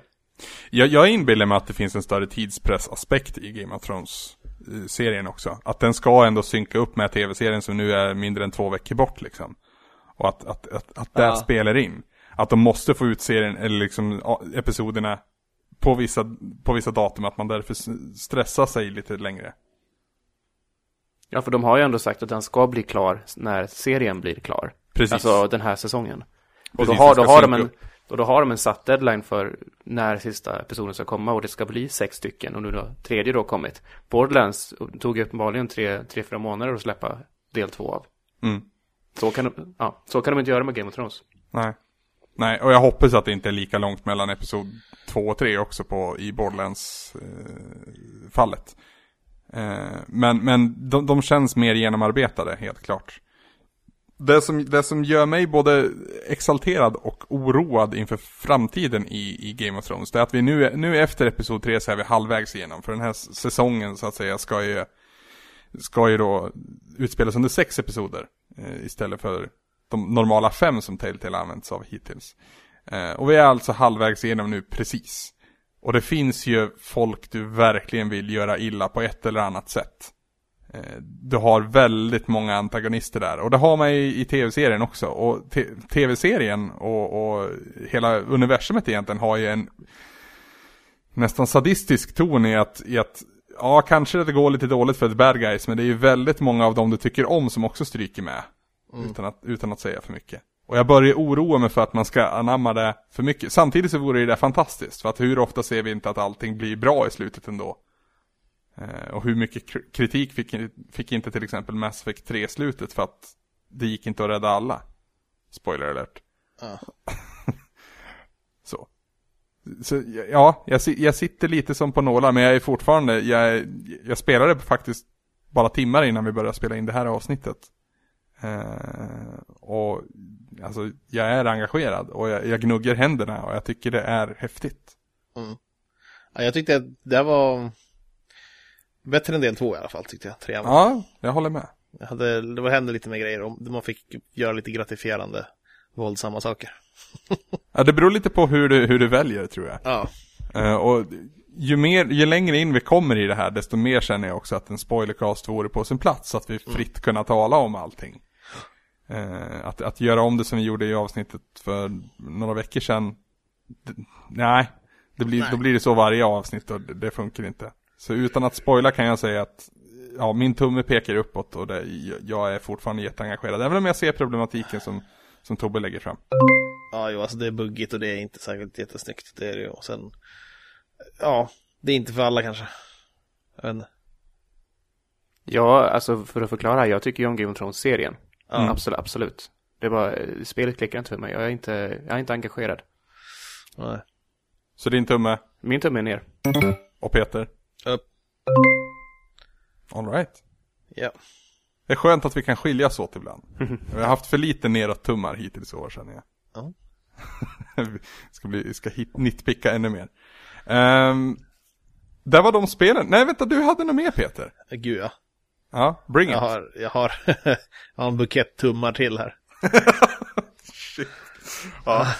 Nej, det är Obsidian Entertainments nya eh, rollspel som heter Pillars of Eternity. Oh. Utgivet av svenska Paradox. Mm. Eh, och det är ju en, eh, alltså vad ska man säga, det är en själslig eh, uppföljare, nej inte uppföljare, jo, själslig uppföljare är ett konstigt begrepp för det första. Men eh, på många sätt är det det, en uppföljare till Baldur's Gate eh, och de, den spelserien, den typen av spel. Framförallt just eh, Black Isle Studios, de, de spelen de gjorde då. Eh, det, det är så, så pass att den grafiska stilen är där, de har exakt samma muspekare i det. Och det är eh, karaktärsporträtten och allting där, det känns otroligt. Eh, det, det är bara minnena väller tillbaka från den här härliga tiden när man spelade Baldur's Gate. Eh, Jag kanske är helt ute och cyklar här, högst troligt jag är det, men är det här en Kickstarter på något vis? Ja, Okej, ja. det är det. De kickstartar ihop det där. Och Ja. eh, de, är, de är ändå rätt stora dock, Obsidian. De har gjort, eh, senast här var det Wasteland 2. Kom då. Och sen så har de gjort Fallout New Vegas, de har gjort Neverwinter Night-spelen. South Park. South Park gjorde de med, just det. Och sen eh, även, även, även eh, Satan också. Sotan. Ja, vet fan. Det var något, jo, Dungeon Siege 3. Det är lite mera köttigt, Diablo-likt fantasy roleplay så. Eh, men, eh, ja. det här är något i hästväg det här också, här jävlar. Det är ett klassiskt eh, dator-PC-rollspel alltså. Och fy fan vad det får igång med. Alltså, Ja, åh herregud. Det är, det är så här riktigt, jag har längtat så jävla mycket efter ett spel i den här stilen nu alltså. Det jag minns hur Baldur's Gate, hur, hur infångande det var. Alltså att spela det och få uppleva framförallt alltså den här eh, uh, Faerun-världen då som eh, klassiska rollspelsvärlden från eh, uh, 70-talets, 80-talets USA där. Med alla ställen och hjältar och sådär. Det här är en helt ny värld, men det spelar ingen roll för att det är samma feeling som kommer ur det. Så här. Det är mystiskt, spännande, sagolikt. Och jag har kommit till en, till en insikt där också i den grafiska stilen. Eh, vad det gör, alltså det här är ju det är ju platta kartor du går omkring på. Det finns inget 3D. Utan de är ju, det är som målningar, varenda karta du går omkring på. mm. Och på något sätt så, så, så tar det här fram en detaljrikedom och, och en känsla alltså, som är eh, helt, helt annorlunda mot hur det är 3D. För 3D är så direkt, direkt medierande, alltså att du är inne i världen, du kan vrida och vända på saker och se det. Och liksom som att du är där.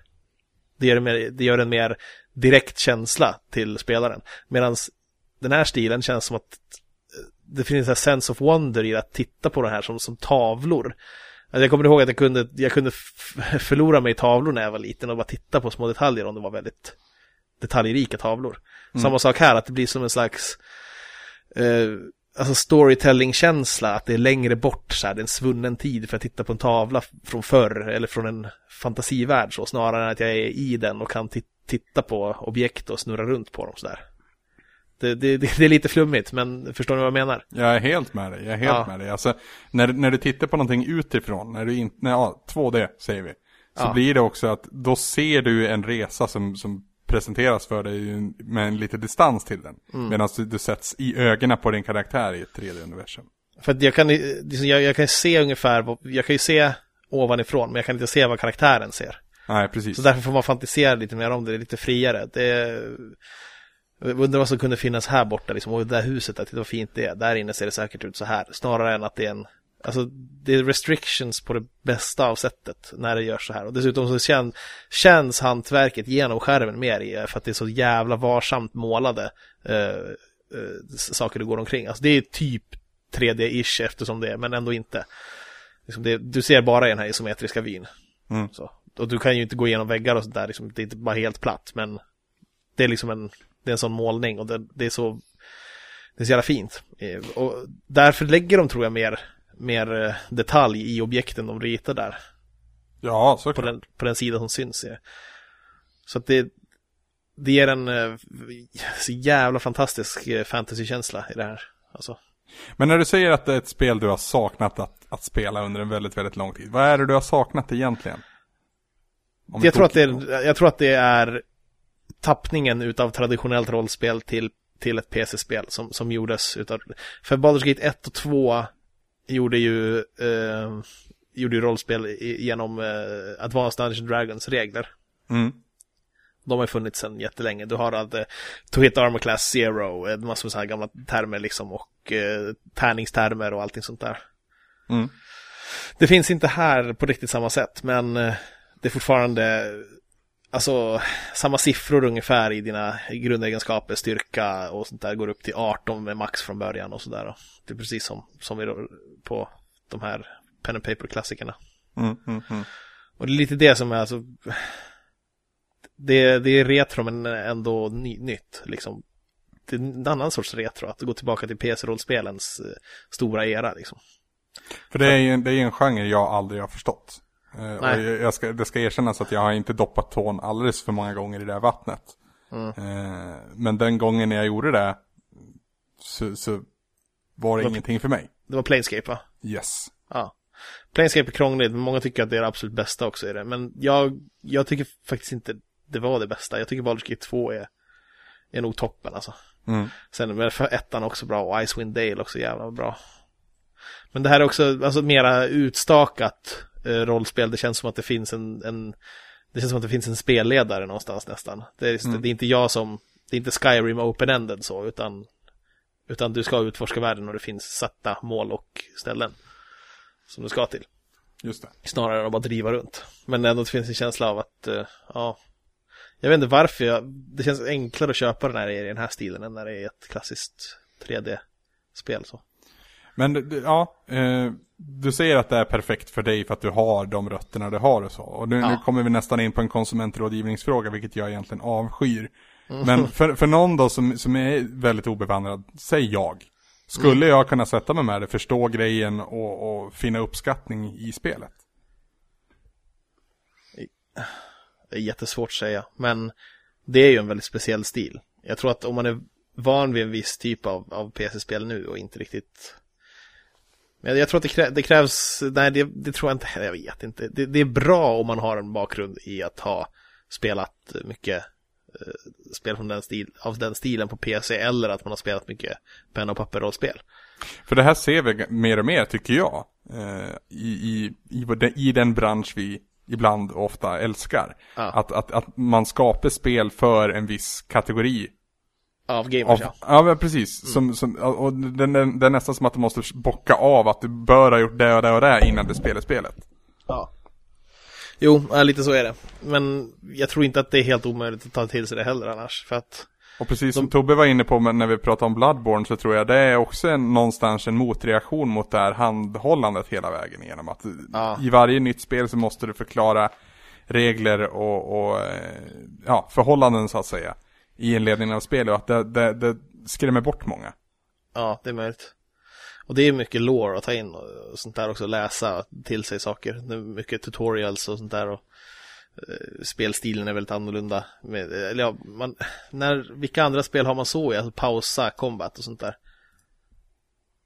Ja, Dragon Age hade väl det eh, Ja. nu, nu senast. I alla fall framförallt PC-versionen.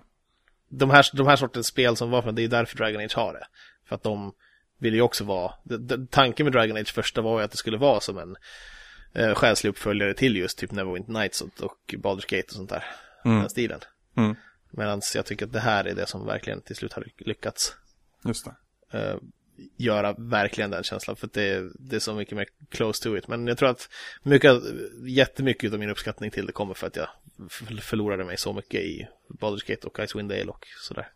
Ja, och det måste ju ändå vara okej, känner jag. Alltså visst, man, Ja, kan, ja. man, kan, man kan prata om att en, en, en bransch ska vara inkluderande och att alla ska med och allting sånt. Men alltså det, det finns så förbannat jävla mycket spel Mm. där ute. Och det är inte som att det är omöjligt att spela de, de checklistespelen så att säga innan du spelar Pillars of Eternity. Nej. Det, det, är klart, alltså- det, det är klart det måste finnas plats för hardcore, hardcore-typen av spel också. Ja, Definitivt. Men säg, säg så här då, har man spelat Fallout, alltså de tidigare ettan och tvåan också. Det är också från den tiden. Så att det behöver inte vara fantasy heller, utan det finns ju en rad andra. Så, så att jag tror att klassiska western RPGs är ju, är ju något som ändå många har testat att spela. Så har man, gillar man Dragon Age kommer man definitivt gilla det här. mm. Det tror jag. Eh, eller definitivt säger jag. Det är som om det vore en jävla självklarhet. Det är klart det inte är det. Det här är väldigt annorlunda. Det är, Dr- Dragon Age är ju mycket mer eh, Alltså re- relationer. Du har, det, är ju, det är ju mycket snyggare rent eh, så 3D och vad ska man säga? Ja, det är ett snyggt nytt 3D-spel liksom med schyssta ansiktsanimationer och jävligt avancerade sådana grejer liksom. Mm. Här har karaktärerna inget sånt utan det är text. Och de har en röst de använder då och då. Sådär, men... men de arbetar med ett uh, jävligt, ja.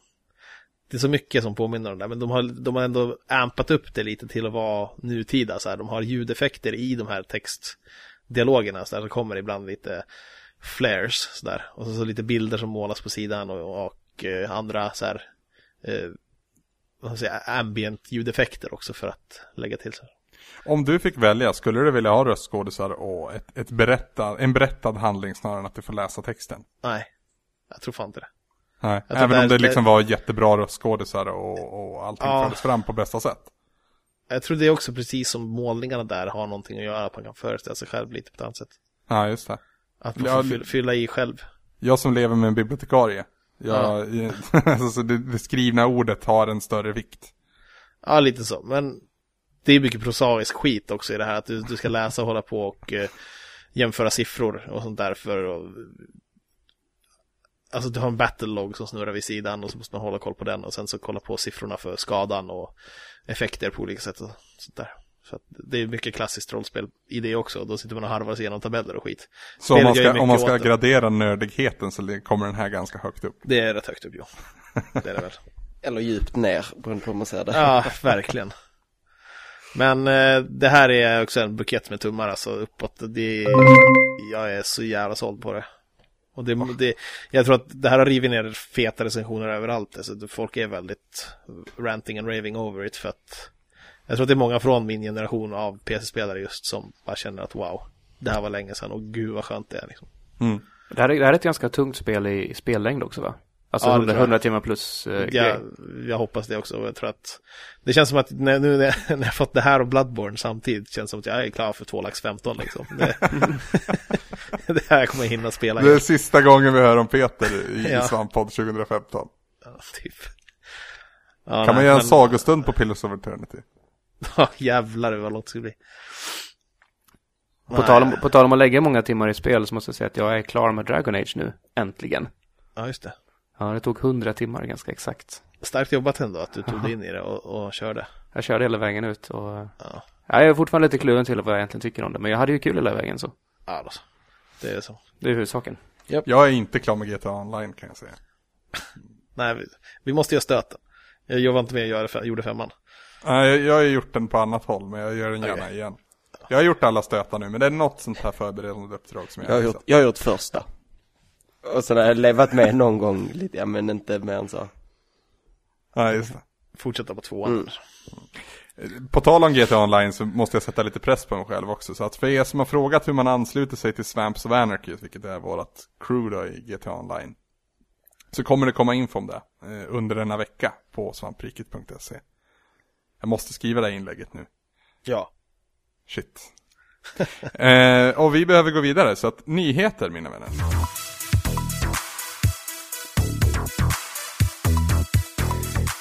Jag kan gå först ut här med en nyhet. Det är ju, eh, för er som har PS4 har ni säkert märkt det i veckan att ni har fått en uppdatering till 2.5. Just det. Som heter Yukimura. är, är utvecklingsnamnet på den här uppdateringen. Det här är väl en av de stör, större uppdateringarna sedan PS4 kom.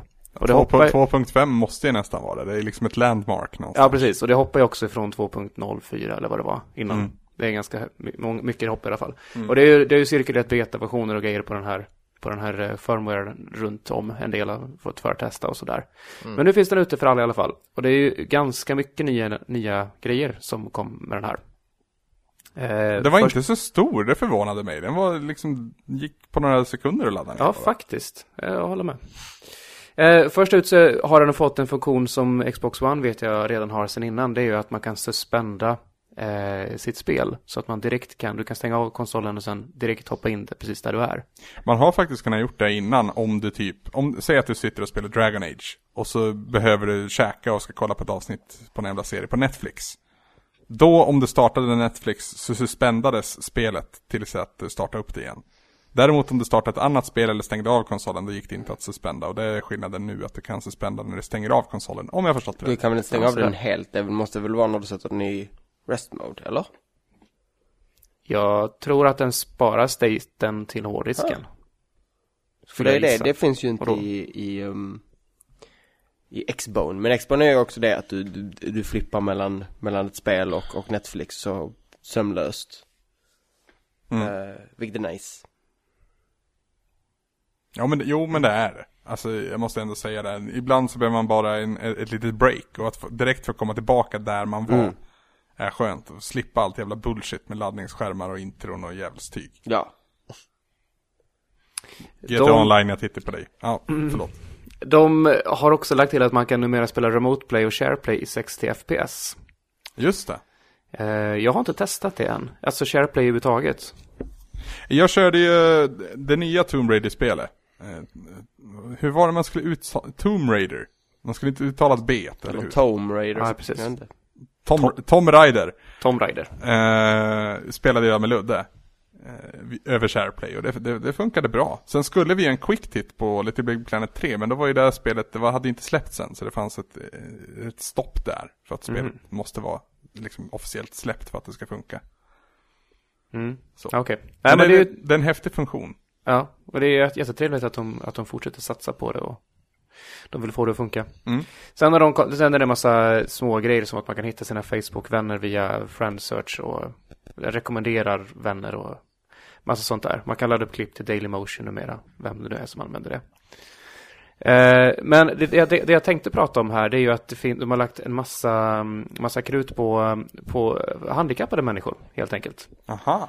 Där du eh, kan sätta på så här colorblind eh, funktion så att den inverterar färger och eh, lite sånt.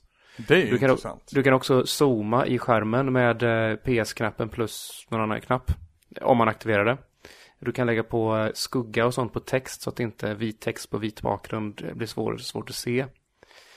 Eh, och- och men, men den största featuren här är att det finns en så här eh, key remap. Det innebär att du kan, du kan flytta vilken knapp du vill på din kontroll till vilken annan knapp som helst. Det är grymt. Det är ju Ja. jätte...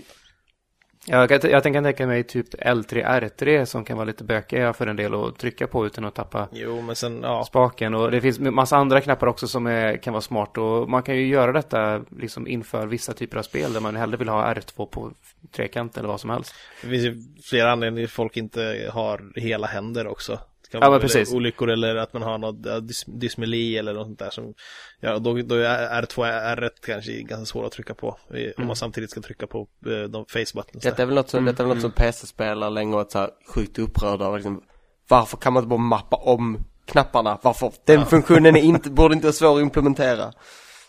Nej, precis. Och det, är, och det är faktiskt märkligt om man tänker på det, att det har tagit så här lång tid innan man, innan man får, får det. Men det är också, det här ger ju vanliga gamers också en jävligt Alltså Jag kan ju vara jävligt irriterad över att jag har en viss knapp någonstans Jag vet inte hur många gånger i Bloodborne igår så jag skulle skjuta, skjuta pistolen och så fällde jag ut vapnet istället för jag tycker att den borde sitta på den knappen Jag, jag räknade. 48. Ja, någonting sånt Vi har ju en gammal kollega i Samson Wiklund också som har problem med den här just färgbiten, att, att uppfatta nyanserna. I, Ja. i vissa toner så att säga. Nu ska Jag har, inte, jag har inte testat det här colorblind-läget, men jag såg att det fanns. Ja, för jag, jag vet till exempel Infamous hade han problem med tror jag. Om det var First Light då, som var gratis på PS Plus. Eh, Så det vore intressant att få någon typ av återkoppling om man är sugen på det. För någon som, som verkligen vet hur det är. För att det är lätt att sitta och säga det här var bra gjort Sony men ja, jag vill, jag Ja, vill, jag vill veta att i det praktiken, funkar. liksom. Precis, precis. Det finns, även, det finns även text to speech för, för chatt och sånt. Oj. Så den kan läsa upp vad det står. Eh, ja, det, det är massa grejer. Och sen så är det det här med sub-accounts. Vet jag inte om, ja det är ju ingen av oss som har några barn eller så. Men är, om, om, om man har barn eller någon annan så som man är förmyndare över så har man ju tidigare, tidigare kunnat ha ett sub-account. Om man inte kan, om jag fattat det rätt så, så köper man inte, man måste be om lov för master-accounten för att köpa grejer. Ja, Och den Ja. kan också kontrollera via, via um, parental locking, alltså vilka, hur liksom våldsamma spel de får spela och liknande. Ja. Nu kan man, eh, nu kan man låsa upp ett sånt account till ett master account. Nej men vad i helvete. Alltså när, när, när vi skaffade våran PS3, då skaffade jag ett sånt account till min bror. Och det är han spelar på, men han har inte kunnat köpt grejer utan att fråga mig snällt och att det drogs från mitt konto och massa sånt. Så när jag var hemma nu i julas, då, då tog vi det här beslutet att ja, men då, får du, då stänger vi ditt jävla konto. För att det gick ju inte, märkte vi också. Då, att, att ändra ett sub-account till ett vanligt account, trots att han har blivit över 18 år. För det var ju det som var liksom grejen. Och nu kommer det där, tre månader senare. För han blev ju av med alla sin, sin progress i typ, ja men GTA som han försökte 100% Ja det är ja det är, ja det är typiskt. Men det är ju bra, det är ju bra, men det är ju jävligt typiskt. För det är så korkat att, det- att liksom, det var ju enda sättet han kunde ha ett konto, det var ju att han fick ett sånt subaccount när han var, vad var han då, 16 år tror jag. Eh, för, för oss som bryr sig om eh, trophies och sånt så finns det också nu en funktion där du kan ta bort alla spel som, där du har 0% trophies i. Yes. Så att de inte finns med i listan och drar ner ditt average. Oj, intressant. Mm. Det, det, det har jag också ett helt gäng. Alltså antingen spel som jag liksom bara stoppat in och bara, hell no. Eh, sen eh, i och med att jag har haft mina konton på en rad olika PS3 så har det hänt ganska ofta att eh, folk har startat upp spel på min profil trots att de ska spela på sin egen. Så då, då, då läses ju de troféerna in också så fort man har startat spelet så finns ju den med i min jävla trophy-list. Final Fantasy 13 jag tittar på dig. Mm. mm. Eh, så det var väl egentligen bara det som nyhet. Men jag tyckte det bara var intressant just det med um, accessibility. Mm. Med, uh, för, för folk som inte har det lika lätt som andra. Och det är alltså, det är någonting man måste bejaka tycker jag. Alltså det är lätt att sitta och säga det, jag som ändå Jag har inga sådana liksom hinder på något, något vis. Och det är lätt för mig att sitta och säga att men det är klart att det borde vara det, men det är skönt ändå att se att det faktiskt händer saker. Sen vill jag fortfarande se om det faktiskt fungerar. Så. Um, vi har pratat om svåra spel idag. Mm. Peter, vänder jag mig mot nu. Ja. Uh, Obsidian Circuit finns ett spel som heter. Det här är en gammal nyhet som jag låter ligga men jag tyckte det, det ligger ändå till hands att, att plocka upp den nu. Det är ett spel som har ett så kallat perma perma death system. Om du dör i spelet spelet obrukbart. Om du dör i Yes. spelet, you die in real life. War Games. Nej. Eh, nej men alltså om du, om din karaktär i spelet dör, då kan du aldrig mer spela Det är spelet. inte, det, det är inte så att, det är inte din karaktär dör, utan det är din run med den karaktären dör. Ja men det är fortfarande inte så, det är inte bara som i, alltså permadeath i Diablo eller Nej, så, där, äh, utan det här är, du, kan, du, du får inte spela Men- men grej- du måste köpa en kopia. Grejen är att detta är inte ett spel som du spelar. I, i princip om man säger så, alltså bara du, utan detta är ett spel som communityt spelar. Vilket innebär att när du dör så har din karaktär samlat på sig XP och så, som sen de som följer det via stream och så här kan positionera ut på karaktären för att utveckla den. Och sen tar nästa spelare vid. Så du får aldrig spela igen, men nästa spelare går in. Så det är liksom en kollektiv effort. Och det i sig är ju coolt. Ja, Ja. det är ju beskrivet som att... Men alltså jag, jag, jag, jag känns nästan som att jag eftersöker det här, alltså perma perma death i andra spel. För att verkligen få till, för att det händer ganska ofta att man kämpar för sitt liv och så, att det går bra ibland och du får den här, du vet den här, den här svettiga stunden med den här jävla bossen som aldrig vill ge med sig. Eh, och det, det, det är verkligen att det balanserar på kniväggen där. Men okej, så du betalar 600 spänn för ett spel och så gör du ett misstag på första banan och dör och Nej så men i det här spelet kanske, jag- i det här spelet kanske jag inte betalar 600 Okej. spänn. I det här spelet kanske jag betalar 40 spänn. och så dör du på första banan och så kan du aldrig spela det igen. Ja, det är 40 spänn liksom. Alltså någonstans så måste vi bryta loss den traditionella mallen när vi pratar om sådana här, såna här spel. Du vill verkligen, du Och vill det är någonting det väldigt, väldigt coolt. Att det känns, det känns som att shit nu vill jag inte dö. Så jag Precis, föreslår att vi ska ha spel som kostar 4000 spänn. Dör du kan du aldrig spela dem igen. Och det kommer hem en kille och sparkar dig i pungen. Och det är svårt som blad. Ja. Men det, det är svårt där med, just med svåra spel för att du måste ju någonstans bry dig om att du inte ska dö. Mm. Och det gör det definitivt om du får en, någon som ska sparka dig i pungen om du, Du förlorar. måste, Men, du måste inst- installera en ny hårdvara i PS4 som gör att du bara smäller som en ryss femma in i PS4 när den dör. Kommer ri- rök ur den. Ja, men för att ett spel ska kunna, ska kunna vara, vara skrämmande så måste du ju antingen jobba med at- atmosfär ru- ruggigt mycket så att du lever dig in i spelet. Eller så kan det ju vara att du helt enkelt, säg Resident Evil style, är skiträdd för att shit nu vill jag inte dö för nu var det jävligt länge sedan jag var vid en, vid en skrivmaskin. Eller typ mina ink ribbons i slutet och sånt där. Att det faktiskt får en, en tydlig påverkan A- på Alien. spelet. Att du måste spela, jag spela om. Bob, eller, Ja, ja, Alien är också sånt. Bonfires och Lanterns i Bloodborne och, och Dark Souls också. Men det finns ju ändå något typ av skyddsnät. Visst, du behöver göra om ett långt drygt parti eller du- allt det där. Men när det stakes är ännu högre, jävlar vilken svengelska jag slängde mig med det här. Alltså när stakesen är så pass höga så att, ja, dör jag här. Jag jag säger inte att det behöver vara ett direkt brutalt svårt spel, men tänk dig ett Mario-spel där du aldrig mer kan spela det när du väl dör. Mario-spelen, ärligt talat, är ganska svåra om du tänker att du aldrig ska dö. Ja, men jag- tar, jag tar ändå en, en serie som jag tycker mig kunna behärska ganska bra. Ett FPS-spel skulle jag vara stekt så det sjöng om. Jag hade inte, jag hade inte tagit mig igenom första banan i Mario tror jag. Alltså om jag tar, Super Mario Bros. Typ. Kanske första banan, Nej, men för, då att- hade för att pressen är så stor. Men alltså vad, vad är egenvärdet i det här? Egenvärdet är att jag tänker att upplevelsen skulle förbättras av det. Att varje framsteg skulle kännas så mycket större. Så föreställer jag mig att det är. Ja, Jag vet inte vad det ska vara. Alltså, jag skulle, jag skulle ju inte spela det alls. Nej, och det är, det är ju verkligen inte för alla, men jag vet att, så jag hade dragit den här liknelsen hundra gånger känns det som. Men När David Cage fortfarande var i utvecklingsstadiet av Heavy Rain, och han pratade om att när en av dina karaktärer dör, då är den död på riktigt, du kan inte gå tillbaka och rädda den. Jag gick igång på det, för att jag tänker att berättande ska ändå kunna styras. Ja men det är ju, en- det är ju en annan Mm. sak.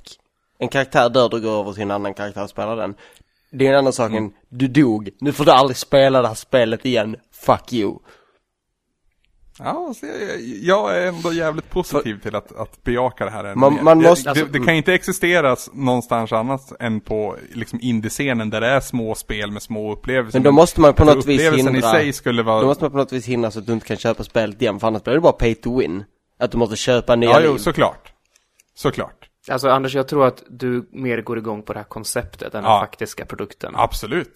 Absolut. Och det, det krävs att produkten är på ett visst sätt för att jag ska liksom köpa det hela vägen också. Men jag älskar all typ av nytänk, älskar jag.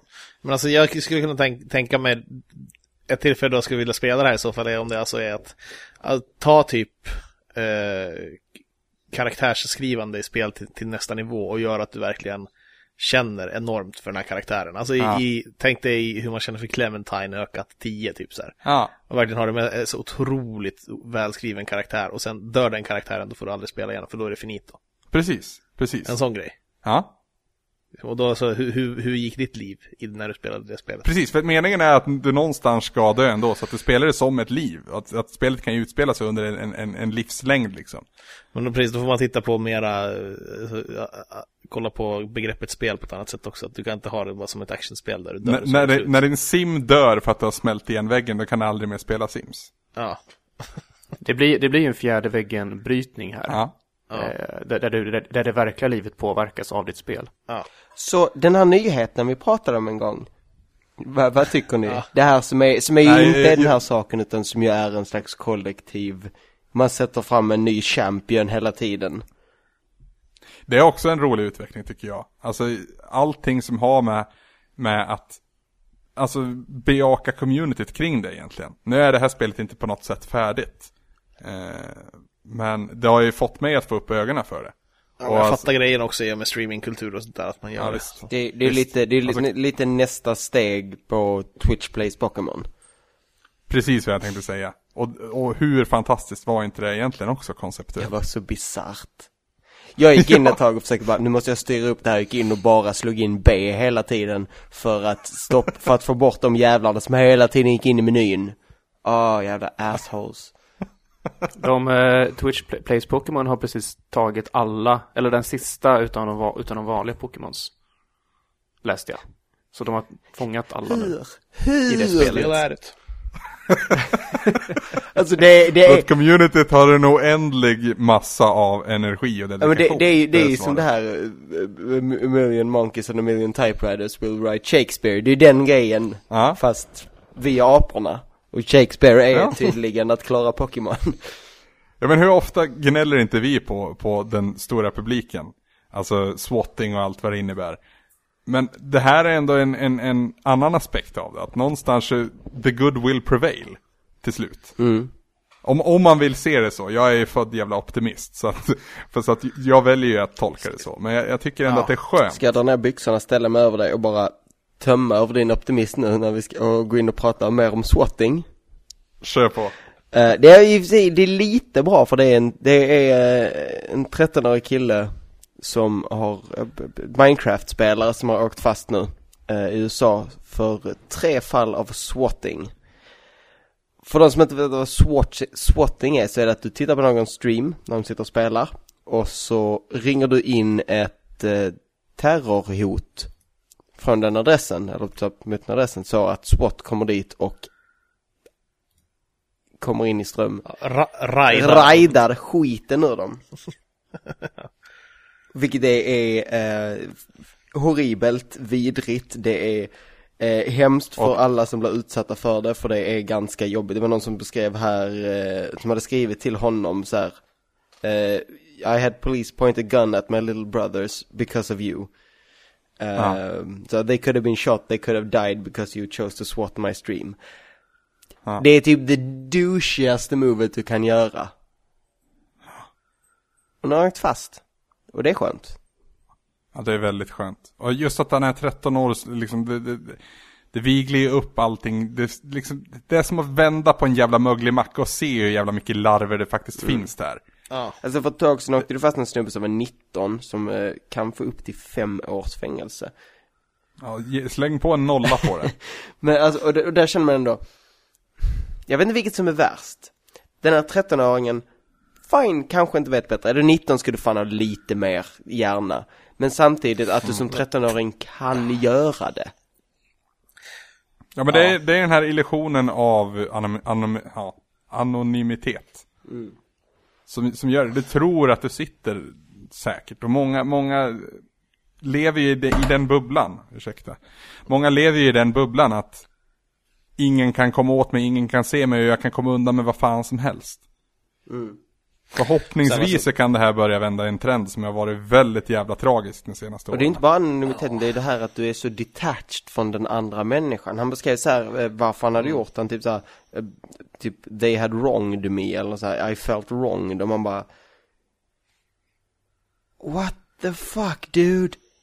Oavsett vad någon säger i en stream så kan det inte vara så jobbigt för dig att, eller det, du kan, nej, bara nej.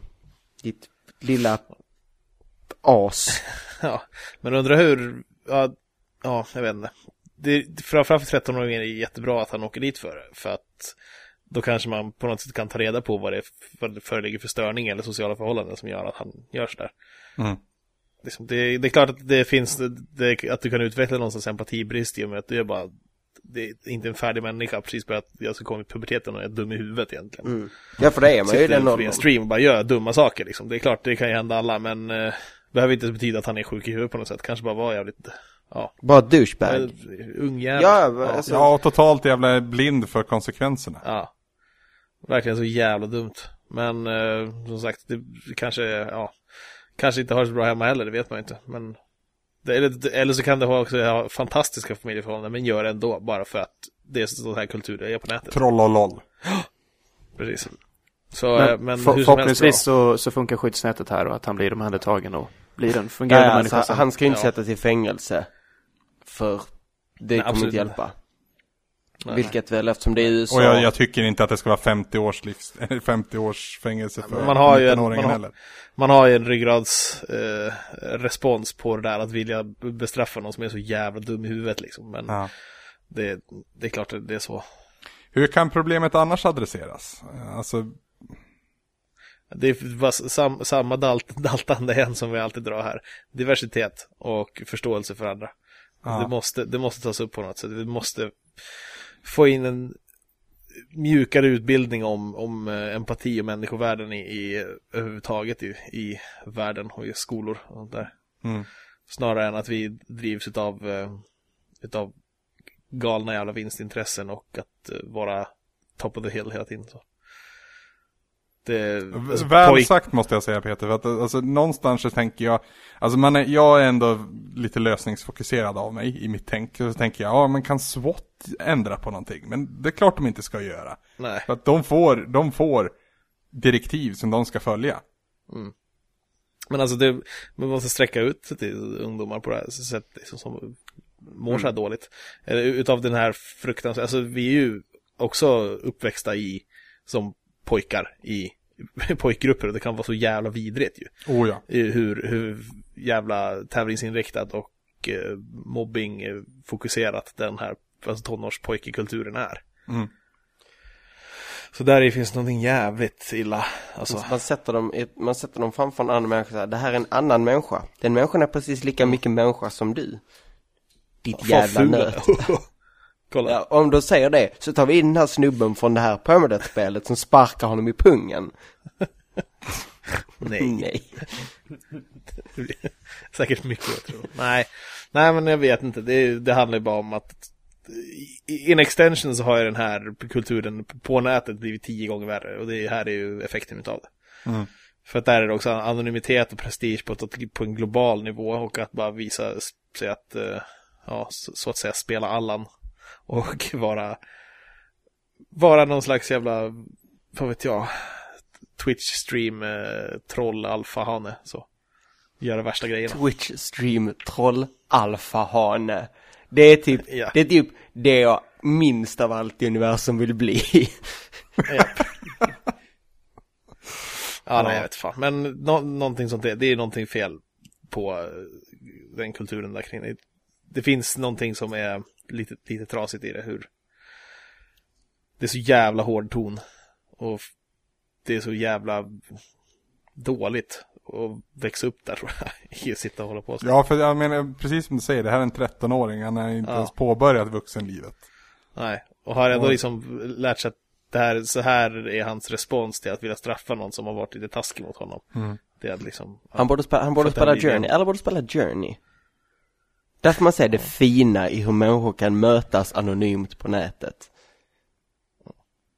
Eh, Peter, du har ju ändå varit eh, inblandad i Street Fighter-scenen ganska länge. Ja. Jag vet att förr så var det ju eh, en del snack om hur grabbig och jävlig den, den scenen var. Ah, ja. Har den blivit bättre efter att det lyftes upp till ytan?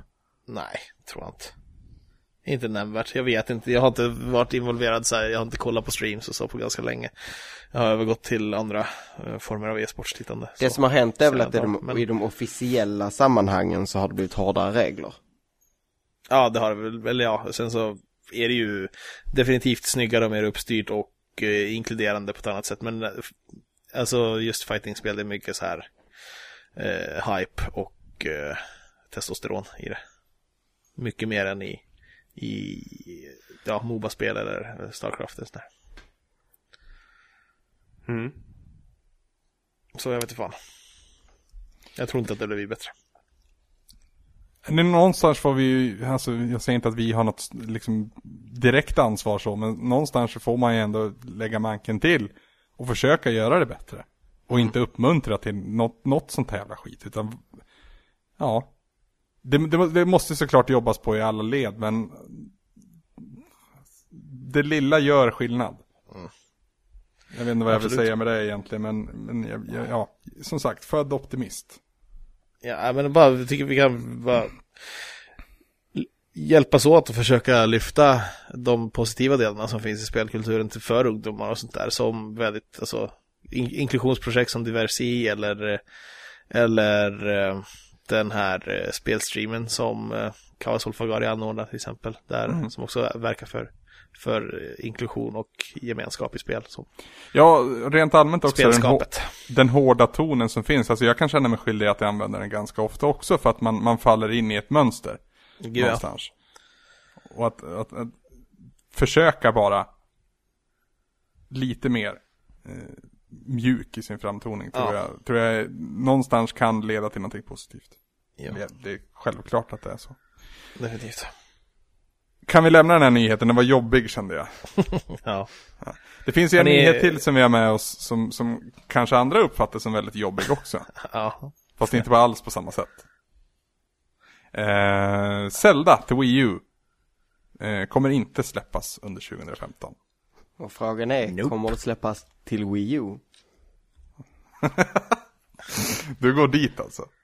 Alltså, ja, jag går dit. I'm there, Okej. I'm standing there. Ja. Hur tänker du? De har ändå visat upp spelet till Wii U. Mm, har de inte gjort? Men vad ska NX bli? Nej. Det, men det, det ju... Jag vet inte, jag, or jag, orkar inte, jag orkar inte Nintendo. Alltså titta på, titta på Twilight Princess. Ja. Det blev ju liksom en Wii-titel. Visst, det kom till GameCube, men det blev en Wii-titel. Ja. Ja, Mm. så, eh, ja. Men alltså kommer det inte till Wii U, kommer, alltså det kommer ju vara, åh gud. Men NX, är inte det mobilsatsningen? Nej. Nej, okej. Det, Ja, det visar för- hur pass påläst jag är. Jag har fan för mig att det var mobilsatsning. Vad är NX då? Var En det ny det? konsol? Jag fattar det som att det är en ny konsol. Oj, helvete. Linus, du var ju med när ni pratade om det här. Det är väl ingen som riktigt vet. Alltså jag tänker mig NX lite som eh, Wii U-paddan. Är det en konsol? Är det en handkontroll? Vad är det? Eh, lite så är det just nu. Och vi kommer få så mycket skit för det här. Vi kommer... Men alltså Nintendo Ah, är pissdåliga på att berätta vad det är de faktiskt ska göra. Och det är... Jag tycker det är jättebra i alla fall, det vill jag bara säga in. Jag tycker det är jättebra att de går ut i mobilmarknaden till Ja, slut. ja. För jag tror att de kan göra bra grejer där som blir mer som blir mer beståndsaktiga också än den, den, den nivå som ligger idag. Zelda, exklusivt till iPhone 6S. Med det nya VR-gearet som Apple Nintendo har utvecklat tillsammans. Dun, dun, dun. Ja, men Niklas hade ju en lista efter, efter en, någon jävla presskonferens i alla fall, på, på titlar som, som skulle passa sig i mobilformat. Och jag är den första att skriva under på det. Alltså, det finns potential där, men sa, samtidigt så kommer jag från, samtidigt kommer jag från en vinkel också som, som jag kan på omöjligt rekommendera alla liksom. Eller rekommendera, jag kan inte representera alla. Jag, ty jag Så tycker jag du kan vet inte. representera alla Anders. Säg inte att Ta- du, säg, låt inte folk säga vad du inte kan. Nej men om man tittar på vilka spel som har sålt på iOS så har jag knappt köpt något av dem. För att jag spelar på ett annat sätt. Och då är det frågan om det är marknaden som inte liksom vill ha det jag vill ha eller om marknaden inte har fått där, det jag vill att de ska få. Alltså att, att Pokémon inte är ett, ett mobilspel är ju någon slags travesti. För det är perfekt för att vara ett mobilspel. Mm. Precis som att gå runt och bara träffa andra folk som har appen och sen så bara battla Pokémons med dem. Eller trada. Det visar ju lite också, vi, vi hade ju Heroes of Mighty Magic som släpptes på iOS här eh, Ja. tidigare i år. Och så finns det inte funktioner som push notice. För jävligt. Ja men visst är det det? Ja, alltså, man missar ju målet, man missar öppet mål i min bok. Ja. Det är något som verkligen borde ha varit där för att, eh, ja. Jag trodde jag skulle spela, suttit och spela fortfarande, men jag hade typ kört på matcher. Sen så, sen så fixade jag med plusexpansionerna till PC istället och har kört mera där.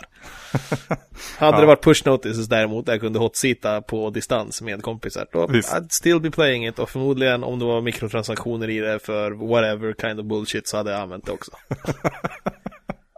Men det här är bara, ja för fan. Nej. Men nu, nu hamnar vi väldigt långt från ämnet. Zelda kommer inte släppas under 2015. Ehm, Deal with it. Nästa. ja, jo, lite så är det väl. Och det får man väl räkna med. Vi fick Uncharted 4 som varit framskjutet till 2016. Och det finns ju väldigt starka åsikter om att No Man's Sky inte heller kommer släppas under året. Förmodligen inte. Jag läser att NX är absolut en ny Okej. konsol. Det är bara att den, den, den, eh, den utannonserades samtidigt som de, som de utannonserade det här samarbetet med DNA som är smartphones. Just det. I, igen alltså, Nintendo. Hur Eh, och fan de- kan de- de klara besked någon jävla gång om vad det är de gör? Deras tanke här var då att för att visa att de inte har tappat sin passion or vision eh, för, eh, för dedikerade spelkonsoler så eh, i, i och med mobilsatsningen då så utannonserar de det här också för att visa att de minsann jobbar vidare. Okej. Men eh, confusing, ja. Och, och de ska inte prata om NX förrän nästa år. Och Zelda ska också komma nästa år nu. Hmm. The plot thickens. Mm. Men det var ju nästan klart. De fick det att låta som att det var nästan klart i alla fall. De hade ju smarta hästar och allt. Ja, precis. Precis, och solnedgångar och du kan gå ända dit Men bort. proble problemet var att de, de upptäckte, alltså de, de eh, hade jobbat mycket om, eh, med de här hästarna och så eh, en dag under speltesten så bara, den där hästen gick in i träd. Helvete! Vi måste koda om från grunden! Ep- Eponas AI måste liksom utökas tiofaldigt. Ja, det, det, det som kom när de visade upp uh, Zelda så också, det var väl under The Game Show, eller vad fan det heter, TGS. Eh, så sa de ju också att Star Fox skulle släppas innan Zelda. Betyder det att Star Fox är också på hiatus just nu? För där ser, där ser jag ett spel som inte än har visats upp sig som att det vore klart på något sätt. Nej, Men det, alltså- var, det var ju inte, det var inte ens med i presskonferensen den här gången ju. Ska de släppa NX nästa år kommer Wii U bli jävligt kortlivad konsol. Alltså. Nej, de skulle prata om NX nästa Ja, år. Så ja det släppa, ja, precis. Men alltså, då, då måste ju Zelda ändå komma till Wii U då. Fast sen har vi ju inte alls långt kvar till E3 heller. Nej. Men är det säkert att NX är en konsol? Nej. Det kan, ju, det kan ju vara en ja. annan satsning. Äh, äh, äh, Okej, vi- ny hårdvara bekräftat. Ny, ny Men hårdvara, är den ja. bärbar? om är är- den stationär? Är den... Jag, jag vet ju, jag Imaginär. vet ju inför, inför Wii U och sånt så var det ju flera som pratade om att skulle de inte kunna göra liksom samma konsol?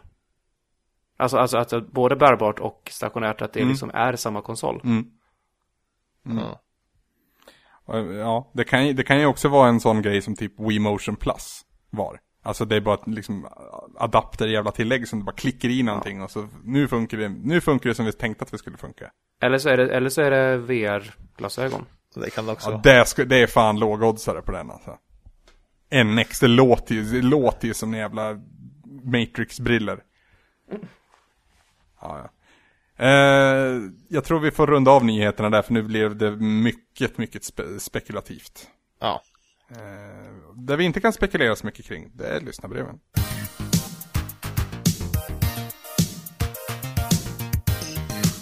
Tobias Andersson, Ja, ja. Du har uttalat i denna podcast att du får, nej det var inte i denna podcast, det var i, i Powerplay kanske. Att du fick clawfingers av, av PS Vitan. Mm. Och då kom Bubawi in och, och förklarade att det finns ju en, en grej du kan köpa. Och enligt, enligt kommentarerna här så har du köpt den. Mm. Hur lyder ditt utlåtande? Det har inte kommit än. Fuck. Okej. så det, det blev en mot, mot Vad point vad här. fanta- ja, eh, fantastiskt att, att eh, ehm, det finns en grej du kan köpa som gör eh, Playstation Vita spelbart. Ja. ja. Men ja, det, i princip var det ju en, en plastbit bara som sätts på så man får, eh, så den blir lite bredare och känns, sitter lite bättre i handen. ja, det känns som en, mer som en handkontroll helt enkelt. Ja, och så täcker den för så man inte råkar trycka på baksidan för det är skitlätt på den förbannade Ja men konsolen. du, ja. Alltså den grejen som kom till PS4 nu. Ge mig den till PS Vitan, tack. Att jag kan stänga av den där, det kan jag säkert, jag har inte utforskat. Men, Ja, nej, jag vet inte. Men eh, det, det, jo, jag köpte den på den länken som kom där också. Och, men eh, den kostade typ 88, 83 kronor tror jag med frakt. 82 spänn skriver det här. 82 om kanske, ska? Om jag ska vara noga. Ja, okej. Men eh, jag, jag gissar att det var att, att det är en sån här som skickas från Kinas sida. Det såg ut som det. Ja, Så det, det kan vara en månad innan jag får miniinthebox.com är det Bubawi hänvisar till. Mm. I alla fall. Ja, men eh, fortsättning följer på den lilla berättelsen då. Mm. Men är det inte lite, lite skabbigt att man ska behöva köpa jävla tillägg? Det är alltså, återigen, triggers till PS, eller till DualShock 3. Hur många köpte inte triggers att de har vänt åt rätt håll? Inte jag. Ah, Okej, men det är ganska många kan vi väl ändå erkänna. Aldrig hört talas om det. Okej, för, För att jag Alltså det var ju då plastbitar. Plastbitar som du klistrade på R2, R, eh, L2. Så att de skulle vara buktade uppåt igen så att du fastnade med fingrarna snarare än att glida av dem. Ja. Någonstans är det fel. Du har däremot köpt nya gummigrejer till dina stickor på DualShock 4, Tobbe. Mm. Ja, ja. Jag, jag kom fram till efter att ha haft eh, PS, alltså kört på PS, PS4 i typ ett halvår att nej, jag tycker inte om stickorna. Jag glider av. Ja, just det. Eh, och tvärt emot vad många andra säger att de tyckte att det, det här är så bra nu och det var kass på PS3 så eh, köpte jag sådana så jag fick tillbaka PS3-känslan och de buktar utåt istället. Huh. Skumt. Ja, har, det är du, har skumt. du skåltummar? Ja, ja. Nej, jag, jag, jag, jag den så förstår inte heller hårt. riktigt grejen med, med skålar i. Det, jag tycker Jag- att då måste man liksom komma in uppifrån på något vis. På spakarna. Ja, alltså för det, vad det var som hände var att, var att jag, alltså fingertoppen på tummen, den satte jag någonstans nedanför stickan när jag gick framåt, för annars så hade, tryckte jag alltid framåt och- till slut gled jag av. Men på PS3 så tror jag att jag höll med, så att säga, inte spetsen på tummen utan mitt på tummen. Hade, det blev liksom ett annat grepp för att den var skålad på ett annat sätt. Ja. Och det, det, det verkar vara det som gör att, jag, att det inte funkade för mig. Jag glider av. Speciellt om jag spelar lite och blir lite, lite svettig eller liksom flottig på fingrarna så glider jag av hela tiden. Men jag tror each their own. Jag tror att det finns, går att fixa. Mm. Mm. Spännande. Eh, vi fortsätter bland kommentarerna. Jonas tyckte att det var det bästa avsnittet på någonsin. Nej, på länge skriver han. Förlåt. Förra Eh. poddavsnittet? Ja, jag antar det. Det är kommentarer på förra avsnittet i alla fall. Linus, Vilka- du var med. Jag var med. Jaha. Fantastiskt Ja. bra avsnitt. Eller jag vet inte det. Det var Nej, det. Jag vet, alltså, det kändes som att vi fick, vi hade lite tunt om material ibland. Så det du, blev dumt som, det blev dumt en del. Ja. ja. Eh, Men det, det var kanske... det? Niklas också eller? ja, Niklas, det, var väl, det var väl jag, Niklas, Ludde, Tommy? Var Niklas Var med? Niklas med? Jag har jättedåligt minne av den här podden. Nej, det var du, du Ludde och Tommy bara kanske va? Jag vet inte. Ja, det var det. Så var det. För det är någon annan som kommenterar på också att du och Tommy, typ, ja Magnus skriver det, härligt avsnitt där vi fick höra lite kemi mellan Tommy och Linus. Hångel på gång kanske, skriver Vi pratade en hel del om hångel i avsnittet. Okej. Det var ett, För att ni inte hade något bättre att prata om. alltså det, det, det spårade väl lite ur någonstans, men jag tror det blev bra. Mm. Mycket spelsnack också. Det- Alltså tendensen vi har sett annars är att de, de lite mer utspårade avsnitten är de mest uppskattade. Så frågan är varför vi sitter och är så jävla plikttrogna egentligen. Fuck it, aldrig mer bara- prata spel. Precis, vi bara flummer. Rakt av. Ska vi bli en till podcast med, med killar som snackar om livet? Istället för killar som snackar om spel. Ja, shit. Eh, Bullybo lämnade en kommentar. Eh, han skriver om hamburgarna som Ludde nämnde i förra avsnittet, antar jag. Men det jag väljer att lyfta ut är att han eh, tipsar om, om tip, tipsar oss om att skriva under våra profiler mer om oss själva. Till exempel vad vi gillar för spelgenre, vilka sorters spel vi inte gillar, vad vi dricker för cola, som han då häft, eh, syftar en kuggfråga. Ehm, och så skriver han då som ett tips att Ludde och Tommy skulle kunna skriva att de älskar allt Nintendo tar i, förutom Mario Party 10 förstås. Eh, och det här är väl någonting vi har lyft lite själva, för inte alls så länge sedan. Vi har ju lite små, små projekt för sajten på gång. Precis, och det har ju legat, det har ju legat i, i pipelinen oändligt jävla länge. Men när det blir en prioriteringsfråga så hackar den alltid ner några steg, vilket är synd. Men vi ska försöka ändra på det, men tack för tipset Bullyboo. Yeah. Eh, slutligen så har vi Niklas Pi, nej eh, vänta, Pilainen, Pilainen tror jag. Eh, som håller med Tommy om hans åsikter om Final Fantasy-serien. Eh, det är verkligen någonting som har blivit skräp med åren skriver han. Riktigt synd då det var en serie som, som varit en favorit under barndomen. Jag har absolut ingen pepp inför Final Fantasy 15 och kommer nog att skippa spelet helt och hållet. Eh, Bra poddat som vanligt och kul att höra Linus styra skeppet. Keep it going Svamps. Ja, hur var det att podda, eller hur var det att hosta förra veckan Linus? Det var väl inte så stort, alltså jag var ju nervös, lite nervös innan var jag faktiskt, men det gick väl bra. Det är så, när det väl kommer igång så rullar det ju på rätt bra. Mm. Alltså det är ju det är mest, jag failade ju att göra introt första gången, vilket man kan höra, Ludde klippte ju såklart inte bort det. Utan lyssnar man på Nej. förra avsnittet så finns det ju med när jag, när jag Ja, kommer ni ihåg, alltså första avsnittet i nya konstellationen när jag skulle säga det i tisdag? Hur många jävla omtagningar det blev? Ja, det var fint. Så det, det är liksom, till slut så slutar man bry sig. Det är väl det, är väl där det handlar om. Bra podd blir det när man slutar bry sig om skiten. Ja men eh, om, om de små oviktiga detaljerna såklart. Mm. Introt spelar faktiskt väldigt liten roll för hur resten av avsnittet blir. Vågar du säga I mitt det? tycke i alla fall. Ja, det, det vågar jag säga. Eh, snabbkoll då runt bordet så att säga. Peppmätaren inför Final Fantasy 15. Ja, vad ska, vad ska vi använda här? Avslagen Cola Light Men kör, från kör förra en pizza-liknelse bara för, bara för att bejaka det, det gångna och förfallna. Okej, jag säger, någon säger, åh det kommer pizza, jag bara, ja! Med jättemycket aubergine. Och jag bara, Och det är ju gott, det är ju gott med aubergine. Varför finns inte pizza med aubergine för att, på? för att, det inte för att när du lägger en bit aubergine och kör det i ugnen så kommer du bara ringa ut auberginesaft över hela jävla pizzan så att det kommer bli söggigt och jävligt. Jag käkade, jag käkade aubergine eh, moussaka igår. Åh gud vad Det är gott. jätte, Jag är jättegott. Moussaka är så jävla jag tycker gott. verkligen inte om aubergine. Jag tycker det är så jävla, nej. Måste göras rätt för, för att det ska inte, inte bli bittert också. Ja, Jag, jag, jag var ju rädd för aubergine i många år tack vare jävla äggplantsmannen i Kid Icarus. Ja. Men eh, peppmät, eller pizza-liknelsen Tobbe på Final Fantasy 15. Jag vet inte, Peter tar något först. Alltså, min- kommer på något. Jag vet inte. Det är en pizzaslice som, som ligger i en vattenpöl som de kastar ut en bil på Tranebergsbron typ. Det... Den ligger där och är så, Så långt- jävla... Och, och, eller, Så långt Ja. ner. eller, eller Final någon Fantasy så här, typ, är... Nej, fan. Vill du ha pizza? Bara, ja! Och så tar de fram en Billys och fickan. Och man bara, what? Den är redan varm, jag har suttit på den när jag åkte buss hit i två timmar. Ja, jag, tror, jag, jag tror att det blir som en sån här fryspizza som man köper på Ica som, som skryter om att det är att den ska ge samma smak som en, som en riktig pizza från en pizzeria. Men så kommer man hem så är det verkligen Smakar inte det. sorg och, och ångest. Ja, och, och bröd som, med, med mycket jäst ifrån brödet som ligger Mm. över och sådär. Mm. Ja, men alltså, det är väl det känns sen tidigare att jag lirar inte med Final Fantasy alls. Alltså, eller någon av den här stilen av JRPGs. Det Har du aldrig gjort det? Secret of Mana och Chrono Trigger, ja. Resten, nej. Oj, inte ens Final Fantasy 6 typ? Jag har inte spelat.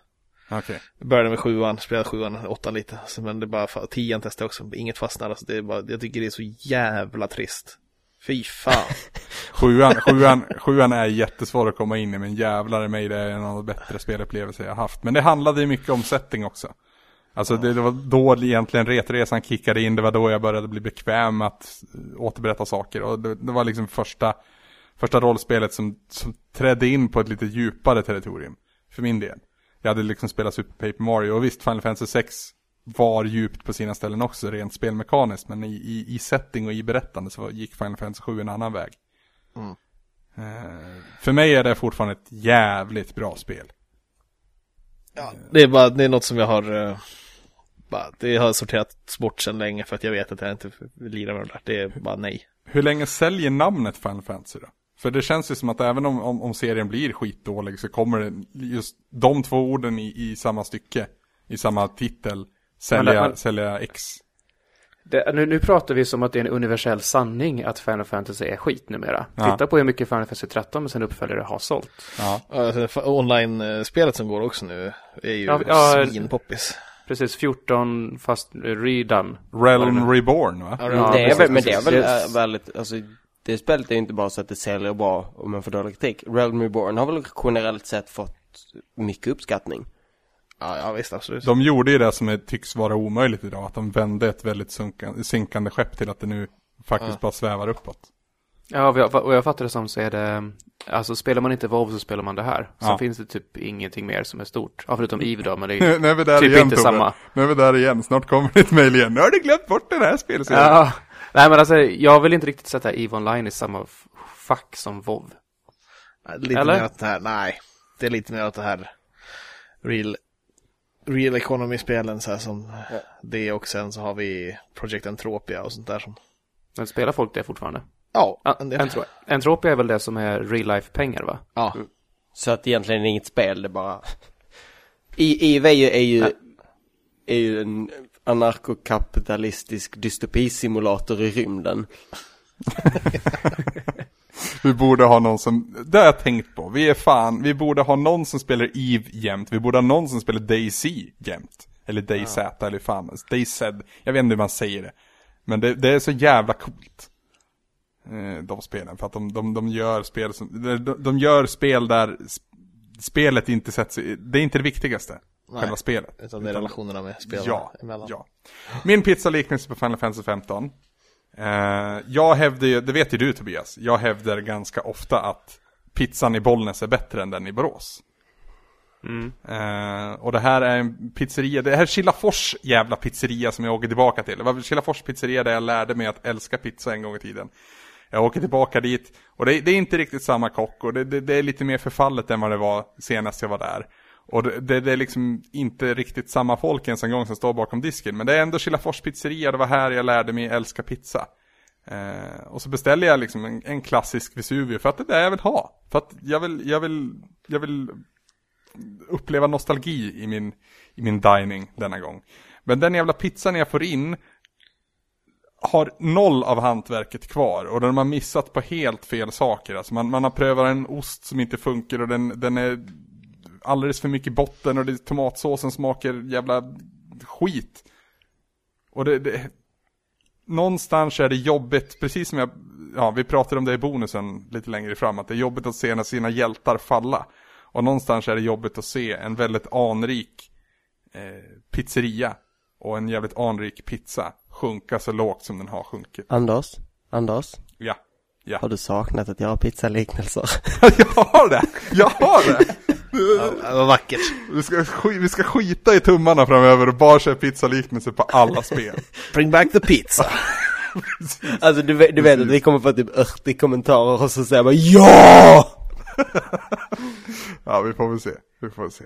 Men shoutout till alla gamla Retresan-fans. Innan vi ru- rundar av så måste vi väl också uppmärksamma då det som kommer att bli kallat för Retroresan-kollo. Ja. Eh, vi kommer komma ut med mer info, vi kommer säkert bjuda in Ebbe till showen igen och vi, vi kommer prata mer om Retroresan Kollo. Men kortfattat, två år i rad så var anordnat, eller vi, eh, Johan, vad fan heter han efternamn? Ebrysium kallas han i alla fall. Johan Andersson heter han ju.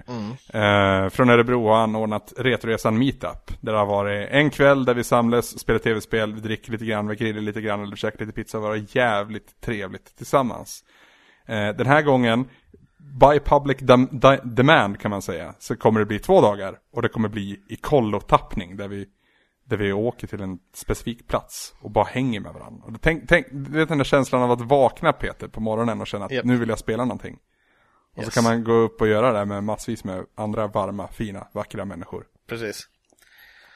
Glorious. Det kommer bli fantastiskt.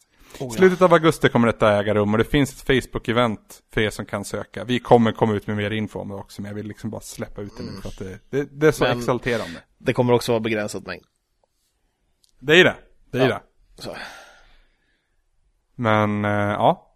Med det så är det dags att runda av veckans avsnitt. Eh, tusen tack för att ni har lyssnat. Vi finns ju som alltid på sajten svampriket.se. Där kan man hitta länkar för att prenumerera på den här podcasten antingen via iTunes. Är det någon som prenumererar på iTunes så vill jag veta det. Eller om man bara kan sluta säga det. Jag menar om det Eh, är någon som prenumererar via RS, RSS. Ja men det gör man ju vanligast känns det som. Ja, okej, och för Ja, Det är ju RSS-länkarna du hittar i, i, i Just det, det är ju såklart. Ja. Eh, lämna gärna också en kommentar eh, om vad fan du helst vill. Det är roligt med kommentarer. Eh, vi finns också på alla möjliga typer av sociala medier. Facebook, YouTube, Twitter, Instagram. Vi Twitch. finns på Twitch. Vi finns på Twitch, twitch.tv svampriket. Vi streamar varje lördag. Ska också försöka streama lite mer under vardagarna tycker jag. Jag, vill, jag vill att du streamer allt Bloodborne Peter. Kan du göra det? Ja, det blir som, det blir som prestationsångest. Ja, okej då. Okej, Jag, jag, jag vill ju se Pink Hulk lite oftare. Ja, fy fan. Ja. Och vill man vara lite mer anonym när man kontaktar oss så kan man också mejla till oss på svamppodd svampriket.se eh, Vi är tillbaka nästa tisdag kära vänner. Eh, puss på er till dess, tack för att ni har lyssnat. Hej då! Hej. Hej då. Hej då!